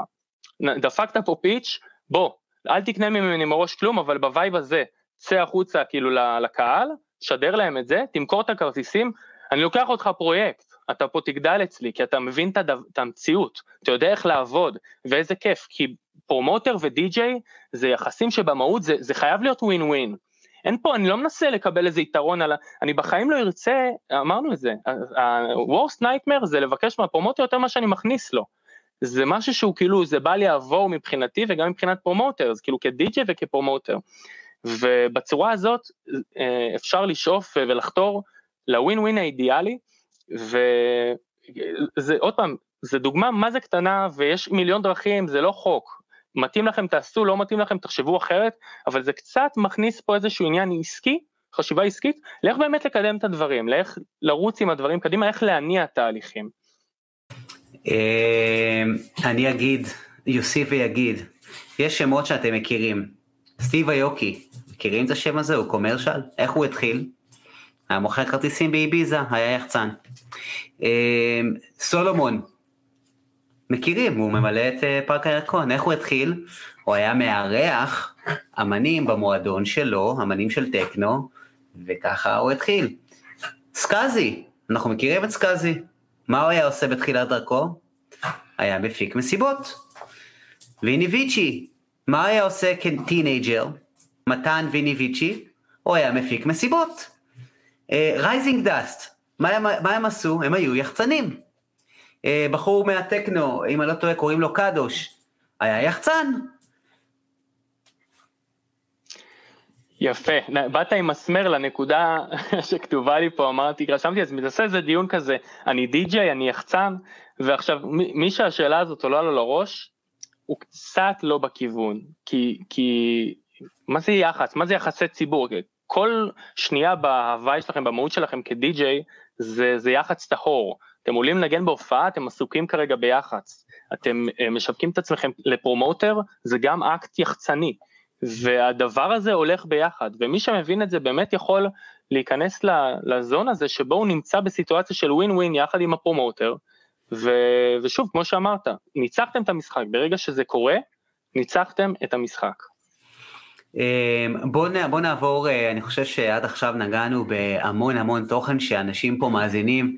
אה, יש אנשים שיקבלו את זה בצורה שהיא קצת לא נעימה, זה, זה ככה זה ב, ב, כשאנשים מקבלים משהו חדש ושונה להם קצת בראש, אבל אני, אה, כשאני התחלתי ללמוד על השכלה פיננסית, אני קראתי בלוג של אה, בחורה שקוראים לה סולידית. היא דיברה על זה שהיא הייתה מתקלחת עם, בלי להדליק את הדוד בחורף, כי היא רצתה לחסוך כסף, ברמה כזאת. ואני אמרתי, בואנה, היא פסיכופתית. אבל מה שעשיתי, כשקראתי את הבלוג שלה, מיתנתי את זה, לקחתי חלקים קטנים מתוך מה שהיא דיברה עליהם, אם זה ההתנהלות הפיננסית הנכונה, השקעה בשוק ההון, מה שזה לא יהיה, אמ, הגדלה של ערוצי הכנסה, ולמדתי ממנה המון, ומה שבעצם קרה, זה שלא לקחתי 100%, אין אמת אחת, אין אמת אחת, לקחתי נגיד, אז מה, ש, מה שמבחינתי יכול להיות נהדר עבורכם, זה לא אותו דבר נהדר עבור עדן. עדן מסתכל בצורה מסוימת, אתם מסתכלים לגמרי, בצורה אחרת. לגמרי. אז כן חשוב שמספיק שתשתמשו בכמה עקרונות מהדברים שדיברנו היום, ואתם תוכלו לראות את השינוי. זה לא משהו שיכול לקרות בשנייה אחת, זה לא יקרה עכשיו בשנייה אחת, זה משהו שייקח קצת זמן עד שהוא יקרה, אמ, אבל אם אתם תלכו על פי העקרונות האלו ותלכו על פי, לאורך זמן, אתם תראו שהדברים האלו ישפיעו באופן ודאי על הפרויקט שלכם, באופן ודאי, ואני אומר לכם בתור פרומוטר, בתור בן אדם שמפיק אירועים, זה השטח, זה מה שעובד, זה מה שמביא בסופו של דבר אתכם לבמות לנגן. אה, יש פה כמה שאלות שאני חושב שהייתי רוצה לעבור עליהן, יש לך כמה דברים לומר לפני שאנחנו עוברים לשאלות או שאפשר לעבור? אמרת דברים זהב, אז רק להדגיש אותם, אין חוקים, המקסימום שאנחנו יכולים לתת פה זה קווים מנחים שעבורנו מצאנו אותם עובדים, אה, אבל ברור שכל אחד ייקח מה, ש, מה שהוא רוצה, אמרת יפה, אמרת מאוד יפה, רק פשוט מסכים איתך. אחלה, מעולה. אז אה, שאלה ראשונה של אייל, אה, שהוא שואל, אז פשוט לעשות מאסטרינג לקטעים שלי ולעלות ל SoundCloud ולספוטיפיי? אוקיי, אז אני לא יודע באיזה חלק של ההרצאה הוא שלח את השאלה, אז קשה לי קצת בלי context, אבל פשוט לעשות, אוקיי, אני אתחבר לנקודה שאני חושב שזה הולך לנקודה הזאת שאמרנו, שחררו טרקים בינוניים כל הדרך לשלמות. ואם אתה מרגיש שהגעת לנקודה שאתה פותח את הפרויקט ונגמר לך הערך המוסף, זה בדיוק הנקודה שאתה עושה מאסטרינג, מעלה ל SoundCloud ורץ לפרויקט הבא. אתה תמיד יכול לבדוק אם הדבר הזה גם עובד, זה, זה שלב מאוד חשוב. אמ, פשוט יש הבדל בין לשים המון כסף ו sponsored ויש הבדל בין לבדוק אם זה עובד אורגני. שלח לכל החברים, שלח לקולגות, תפרסם את זה, רק דברים טובים יצאו לך מזה, גם דברים טובים בצורה של שומע אחי, ה bassline שם לא מדויק עדיין, תעבוד עליו, זה, זה ככה צומחים, ככה לומדים, זה כאילו, זה, זה לא מקצועי להיעלב מביקורת, ומה שאני פה אה, דוחף אותך לעשות זה באמת לשמוע ביקורת, אבל כן, אם סיימת, אם הידע שלך נגמר בשלב מסוים, תרוץ לטרק הבא, ואם אתה רוצה פוש חיצוני, אתה מוצא את הסטנדרט של התעשייה רק בורח ממך, שזה חוויה שאני הרגשתי, אני ב-2020 יצרתי טרקים שנשמעים כמו הרצל של 2013, ואמרתי, אם אני כאילו לא מוצא עכשיו דרך לקצר ולספוג ידע טהור לתוך הוורידים של איך מפיקים ארצל ברמה מסוימת, אני תמיד אשאר מאחורה בבחינה הזאת, אז אם אתה מרגיש את זה, תנסה לחשוב איזה דרכים מתאימות לך, באמת למצוא את הדרך, זה לא דרך קיצור, זה המון עבודה, אבל היא כן נקרא לה יעילה, במובן הזה שאתה סופג מידע מאוד מאוד רלוונטי עבורך, ועושה ממנו את המטעמים שאתה רוצה לעשות ממנו. אה, אם אני יכול להוסיף עוד כמה, אה, עוד כמה מילים אה, לתשובה שלך, אני חושב שאם אתה מגיע למצב שבו, כמו שעדן אומר, אתה מסתכל על הפרויקט שלך ואתה אומר, אוקיי, זה כל מה שאני יכול לתת, ואתה מרגיש שלם עם זה, ואתה מאמין שזה מבטא אותך, פשוט תשחרר ותתקדם. תשחרר ותתקדם, זו, זה לא באמת תתקדם, זה תעשה פעולות שיווקיות כדי לדחוף את הרליס הזה, ואז תתקדם. עכשיו אני אגיד לך משהו שהרבה אנשים יחלקו עליי. פרויקט אפשר לשנות בחיים. זה לא שעכשיו הוצאת את הרליס הזה ונגמר חרב העולם, זהו, תמיד... אה, אני אומר לך מראש שיש אנשים ששינו את השם לפרויקט שלהם כמה פעמים, וזה בסדר גמור, וזה קורה לאנשים, ויש גם אנשים שלא שינו את הפרויקט שלהם, והם מתביישים על הדברים שיש בחוץ עם המוזיקה שלהם, וזה, תגיע למקום הזה, אני אומר לך, תגיע למקום הזה, זה טוב לך, שיהיה מוזיקה בחוץ, שאתה מתבייש. כן, שאנשים יגידו, אתה יודע, אה, גם לאביצ'י יש שירים על הפנים, בוא, שהוא בתחילת דרכו הוציא, כן? זה בסדר גמור. אה, נכון. אז זה בנוגע לזה, כמובן אתה צריך להרגיש באמת שלם ולהאמין שזה מי שאתה. אה, יש פה שאלה של שר שהיא קצת טיפה מורכבת, אני מקווה שאני אוכל להסביר אותה. אז אני אקריא, אני אוהב את הגישה שלך עדן, איך היית מציע לנהל את הפלטפורמה האינטרנטית מחוץ לרליסים כדי להשיג הופעות? איך אני יכול לפעול כדי-ג'יי מחוץ למועדון ולשים רגל בדלת באופן וירטואלי? אוקיי, okay, אז אני מרגיש שקצת נגענו בזה, וכמובן שאפשר לרשום ספרים על איך זה, ושוב אני מתחבר למה ששחר אמר, אין פה דרך אחת, אין חוקים, אבל שר, אם תיזכר אה, בכל מיני דברים שעלו פה, אם תבין שאתה חייב המון המון חברים בפייסבוק, כדי שאנשים אה, ישמעו אותך, זה, זה, תגדיל את השופר שלך, תבוא במגע עם כמה שיותר אנשים, תצטרף לכמה שיותר קבוצות רלוונטיות, תוסיף חברים, תגיב, תיזום אינטראקציות, תשים אתה את הפוסטים, תעשה לך את ה-Monday פוסט שלך ביום שני, שר, פתח איזה פינה על משהו שרלוונטי, וסתם אני תמיד נשאב לשם כי אני אוהב לכתוב, אבל אם הכישרון שלך בא לידי ביטוי בצורה אחרת, תביא את הכישרון, שחר אמר, תעלה tutorials שלך, זה ממצב אותך כמישהו שמבין מה אומר, כמומחה, אוקיי? ת, תמצא את הדרכים שלך, אה, ויש הרבה, יש, יש המון דרכים להשיג את האינטראקציה הזאת, בואו רגע נעשה פה סטופ, אני כרגע עושה את זה. אוקיי? הערך שלי מהרעיון שלי כרגע עם שחר שמואלי, זה בדיוק ההיכרות איתכם. זה הרעיון, אם יום אחד שחר יבוא ויקח אותי לליינאפ, אני, אני יוצא מפה עם תחושה שנתתי לכם איזשהו ערך, בנינו פה איזושהי אינטראקציה, שתראו אותי בליינאפ, אפילו אם זה סט סגירה, תחשבו רגע ללכת, תגידו, אה, עדן בואנה, שמעתי אותו, הקשבתי לו שעתיים מדבר כאילו, לא נשמע רגע מה, מה עומד מאחורי זה, ו, וזה גם סוג של אינטראקציה, שחר פה פתח את הדלת המדהימה הזאת, רצתי לבפנים ב, ב, עם חיוך, ולפני חודשיים לא יכולתי לחשוב על האפשרות הזאת, כאילו לא, לא הכרתי, לא ידעתי. אז זאת עוד דוגמה, אפשר להעלות אלף דוגמאות, העניין הוא להיות אה, נוכחים, נוכחים איפה שאתם רוצים להיות נוכחים, אם זה deep house אז בקבוצת deep שר אם אתה מפיק hardstyle, אני חייב להכיר אותך ואתה חייב להיות בקבוצת hardstyle ישראל, אם אתה עושה EDM, אין מצב ששחר לא מכיר אותך, אתה מבין? זה, הרעיון הוא בכל דרך אפשרית, פשוט נוכחות. זהו, אין, אין לי, אני רק אחזור על עצמי אם אני אדגיש את זה יותר. ו, נוכחות ולתת ערך. לגמרי, לגמרי, נכון. ספאם זה לא טוב לאף אחד. אה, אם הפוסט שלכם בימי שני לא יודע לעשות את העבודה, אוקיי? הוא לא קורץ לאנשים, הוא, הוא מספים, אתם מפספסים משהו, תעברו קונספט, כאילו תעברו קונספט, זה קצת כמו שאם עכשיו שחר נסיים את ההרצאה הזאת, יגיד לי, תקשיב, על הפנים השעתיים, אז פספסתי, כאילו, כל הרעיון שלנו פה זה לתת ערך בדיוק מאותן סיבות, אז תשתדלו לתת ערך במה שאתם עושים, איזה מתוקי. עכשיו אתה תעלה את ההקלטה ואף אחד לא יבין על מה אני מדבר, מה פתאום מתוקי. רואים את הכלב שלי על המסך עכשיו. אבל זה עולה גם אודיו, לא? אוקיי. כן, יעלה לנו אודיו. סבבה, אז אני מקווה שעניתי. מעולה, מעולה. אני חושב שענית לשר, ושר, אה, אתה מוזמן לשאול אה, אם עדיין יש משהו שלא ברור, אה, אנחנו נענה לך. שאלה של סאקו, אתה די-ג'יי או יחצן? מה זה לא מביא קהל? אז לא תקבל במה, העבודה של היחצן זה להביא אנשים. אוקיי, אז טוב. אז הנה אני הכי פרובוקטיבי שהייתי בשעתיים האחרונות.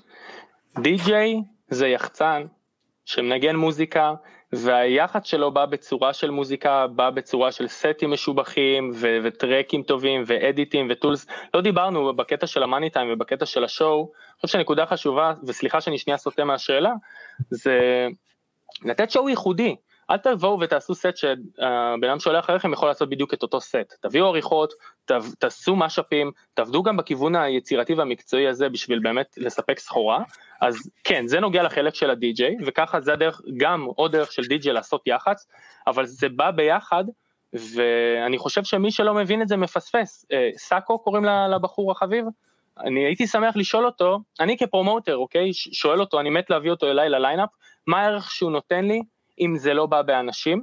ומי שמרגיש פה מסחר אז אני אחזור רגע לנקודה שכבר אמרתי, התמורה למחיר שלי כדי-ג'יי היא בשני כיוונים, one way זה לפרומוטר בכסף שהקהל משלם, אה, אה, קונה איתו כרטיסים, והדרך השנייה זה לקהל, והקהל, התמורה למחיר שאני מספק לו זה מוזיקה טובה. אז מבחינתי סאקו, אם אתה אומר לי אני יכול להביא 50 איש, אני יכול כאילו to guarantee זה שיש לך מוזיקה מעולה ואתה יודע לספק סחורה.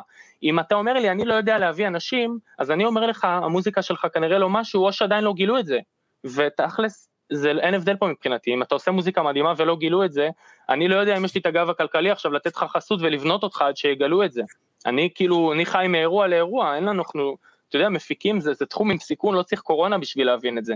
אני חייב לבטח את עצמי כל אירוע. והביטוח הזה בא מליינאפ, אמרנו מנות במסעדה, שיודעות לצאת בכמויות ולהשאיר לקוחות עם חיוך, ו, ושוב מי שלא מבין את זה אז בבא, אני אשמח להחכים ובאמת ב, ב, במלוא הכוונה לשאול איזה ערך מישהו שלא יודע להביא אנשים בכלל יכול לתת לי ושוב לגבי המוזיקה הוא לא יודע לעשות מוזיקה מהמקום הזה שאם היה יודע זה היה מביא את הקהל. אמ, זו תחושתי וסליחה אני מציג דברים קצת בקיצון כמובן ובהגזמה אבל זה פשוט בשביל להעביר איזשהו מסר מאוד מסוים של הדברים האלה רצים ביחד. רצים ביחד עד שאתה שובר את המשחק ואתה אתה יודע אתה, יש די.ג'ים שהשם שלהם מביא עשרות אלפים אוקיי אז אה, אז בסדר אז שלח כאילו אם יש לך שיר עם 80 מיליון צפי, אה, צפיות ביוטיוב מיליוני האזנות בספוטיפיי שלח לי את זה סבבה דיל אבל עד שאתה לא שם ברור שאתה תדבר באנשים אז, אז, אז במה בעצם אתה מרגיש שעניתי? אני חושב שענית פה על השאלה בצורה מאוד מפורטת, אני אה, רק אוסיף על זה שאני חושב שכן, זה כמובן כמה אנשים אתה יכול אה, בעצם אה, לתרגם את זה שאתה, זה שאתה מנגן במקום הזה, כמה אנשים מגיעים בגללך, זה מצוין, אני גם חושב שהחוויה שאנשים יקבלו ממך, זה תוצר, זה תוצר שהוא סופר חשוב. כמובן שאתה יודע, זה לא רק כמה אנשים הבאת, אלא איך הייתה החוויה של האנשים ממך, חשוב כמובן להעביר את הנושא הזה. אבל זה נגזרת של זה שחר, זה ממש נגזרת של זה, אני, חשוב לי להעביר את זה. כי אם בא אליי בן אדם ואומר לי חד משמעית עם קבלות, לאן שאני מגיע, באים איתי 100 איש, אני יודע שהוא כבר סימן על זה וי, אני יודע שהוא נותן סחורה, אני יודע שהוא נותן סט מצוין, אני יודע שיש לו מוזיקה מעולה, כי אחרת איך הוא הביא 100 איש? מאיפה הוא אסף 100 איש? מאיפה הוא הביא 100 איש ששילמו לי לכרטיסים אם לא דרך מוזיקה, בן אדם די-ג'יי. אז כן, אתה קודם כל די-ג'יי, אבל זה, זה, יחצן זה חלק מזה, זה חלק מהמערך. זה חלק, אין, אין, אין איך, אין איך לברוח מזה, כן, זאת, זאת התשובה שלי. אמ, זה הדרך המהירה ביותר להגיע לבמות. מה שעדן היום הסביר לכם, זו הדרך המהירה ביותר להגיע לבמות ולקבל הזדמנויות ולפתוח לעצמכם דלתות. קשה, לא מסתדר, עם אומנות, לא ברור איך זה קשור להפקה שלי. מבין אתכם, זה בסדר גמור. זה כמו, זה כמו שיש דברים שהם נשגבים מבינתי כיום, למרות שעברתי הרבה עסקים ואני מכיר הרבה אנשים, יש הרבה דברים חדשים שאני רואה, ואני אומר, רגע, לא חשבתי על זה ככה בכלל. אבל הגדולה של האנשים שבסופו של דבר מגיעים לדברים בחיים, זה אנשים שמוכנים לאמץ דפוסי חשיבה, דפוסי חשיבה חדשים, נקודות פגישה חדשים, דברים שהם לא חשבו עליהם, שהם קיבלו עכשיו סוג של, וואי, בואנה זה נכון מה שהוא אומר, לא 100%, אני אעשה, אני אקח 20-30 אחוז, אני אשים לב על זה. מבחינתי אם זה קרה בפודקאסט הזה, אז אנחנו עשינו את שלנו. אה, אני חושב שהגענו אה, עדן לסוף כי היום נגענו בהרבה נושאים ואני חושב שהערך של אנשים יש לנו כבר אה, לדעתי כמעט, כמעט שעתיים, כמעט. וואו. נגענו פה בהמון המון דברים ואני ממש ממש שמח שהייתה לנו את ההזדמנות לדבר על הנושא הזה. אני חושב שאף אחד לא דיבר על זה, לא דיבר על הנוסחה הזאת בצורה הזאת, וזה סופר חשוב. אה, עדן, אני מעריך מאוד את העשייה שלך ואת הנתינה שלך פה לחבר'ה שמאזינים לנו, אה, ובכלל כל העשייה שלך ב-Life is Art Style, מי שעדיין לא בקבוצה הזאת ויודע מה זה מוזיקת ארט סטייל, אז אתם לגמרי מפספסים בענק. אה, פשוט להיכנס, לכתוב בפייסבוק Life is Art Style, זו קהילה ענקית של חבר'ה פשוט שנושמים את הדבר הזה. אה, תאמינו לי שכדאי לכם להיות שם, וגם ללכת לאחת ההופעות של עדן, שהוא מפיק אה, וגם מנגן, אתם תראו מה זה אומר להשקיע בקהל, אתם תראו מה זה אומר לעשות משהו ממקום עמוק של אהבה אה, ותחושת שליחות. ואני יכול לומר שאני כל פעם שאני מגיע לאירועים של עדן אני אומר בואנה אתה מטורף אחי איך אתה עושה את זה כאילו איך אתה עושה את זה ואני מפיק אירועים ענקיים אני עדיין כל פעם אומר לעדן אתה מטורף. אז... אה, איזה מלך אתה, אז, אז אם מותר לי, אני חושב שרק בן אדם עם עשייה, כמו שלך מאחורי הגב, יכול אה, לדבר ככה בנוח ולהרים לאחרים, ואתה עושה את זה כל הזמן, אז אני אעצור אותך רגע ואגיד לך גם תודה על עשייה בכל כיוון שהוא, ודיברנו על זה לפני כמה דקות, הנה פתחת לי עוד דלת לבוא ולקבל קהל חדש ו- וקצת להשמיע קול וליצור עוד קשרים, וחיברת בין כל כך הרבה אנשים בתעשייה הזאת, שזה דבר שכאילו... זה כבר איפה שאני מרגיש שזה גדול ממך, עשית פה דברים שהם, שהם יישארו פה, ותודה רבה רבה רבה רבה על זה. תודה על ההזדמנות, ואני ממש מקווה, תודה גם לכל מי שהקשיב, אני מקווה שיצאתם ממשהו. אה, אני רוצה להגיד בכיף שאני גם זמין לשאלות בפרטי, או בכלל אני אשמח להתעמק איתכם, אה, לדיין איתכם, לשמוע דעות מנוגדות, זה, זה תמיד טוב וכיף, אז אה, תרגישו חופשי. ושחר אחי, שוב תודה על עוד מיזם מדהים, ואני מרגיש בר מזל שיצא לי פה לקחת חלק. תודה רבה עדן, ושיהיה באמת אחלה המשך אה, שבוע, ותודה על הזמן שלך. ואנחנו נהיה בקשר, נתראה באירוע הקרוב. ברור, אחי, ברור. חג שמח. חג שמח לכולם. תודה עדן. ביי ביי. ביי. טוב חברים, אז זה היה עוד פרק שלנו של די.ג'יי סוב ישראל. עדן נתן פה כמה נקודות שלדעתי חבר'ה פה ראו את זה כמשהו טיפה רדיקלי, טיפה לא מסכימים עם זה, וזה בסדר גמור.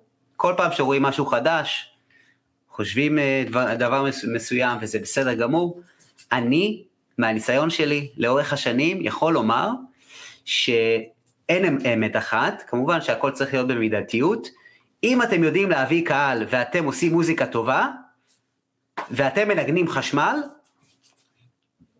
תודה רבה, זהו, זה מה שאני צריך, זה מה שאני צריך, לא צריך יותר מזה.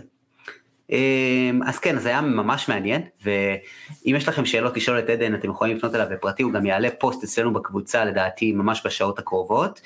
אה, קהילת DJs of Israel, חבר'ה, ממש כיף לראות אותנו גדלים. אם יש לכם חברים שהם יוצרי מוזיקה, התודה שלכם לערך שאני נותן זה פשוט להיכנס לקבוצה שלנו ולהזמין חבר או שניים מהתעשייה.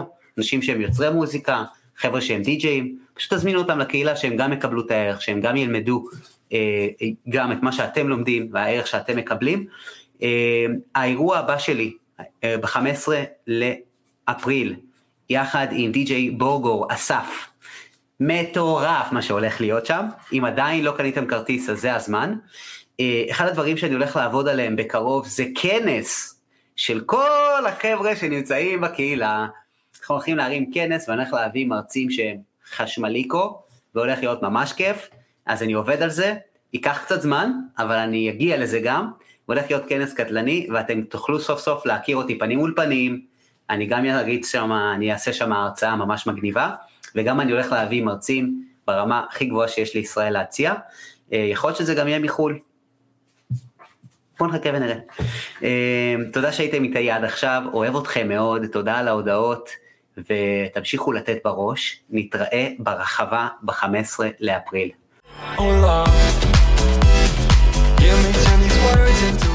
תודה רבה שהקשבתם לפרק הזה.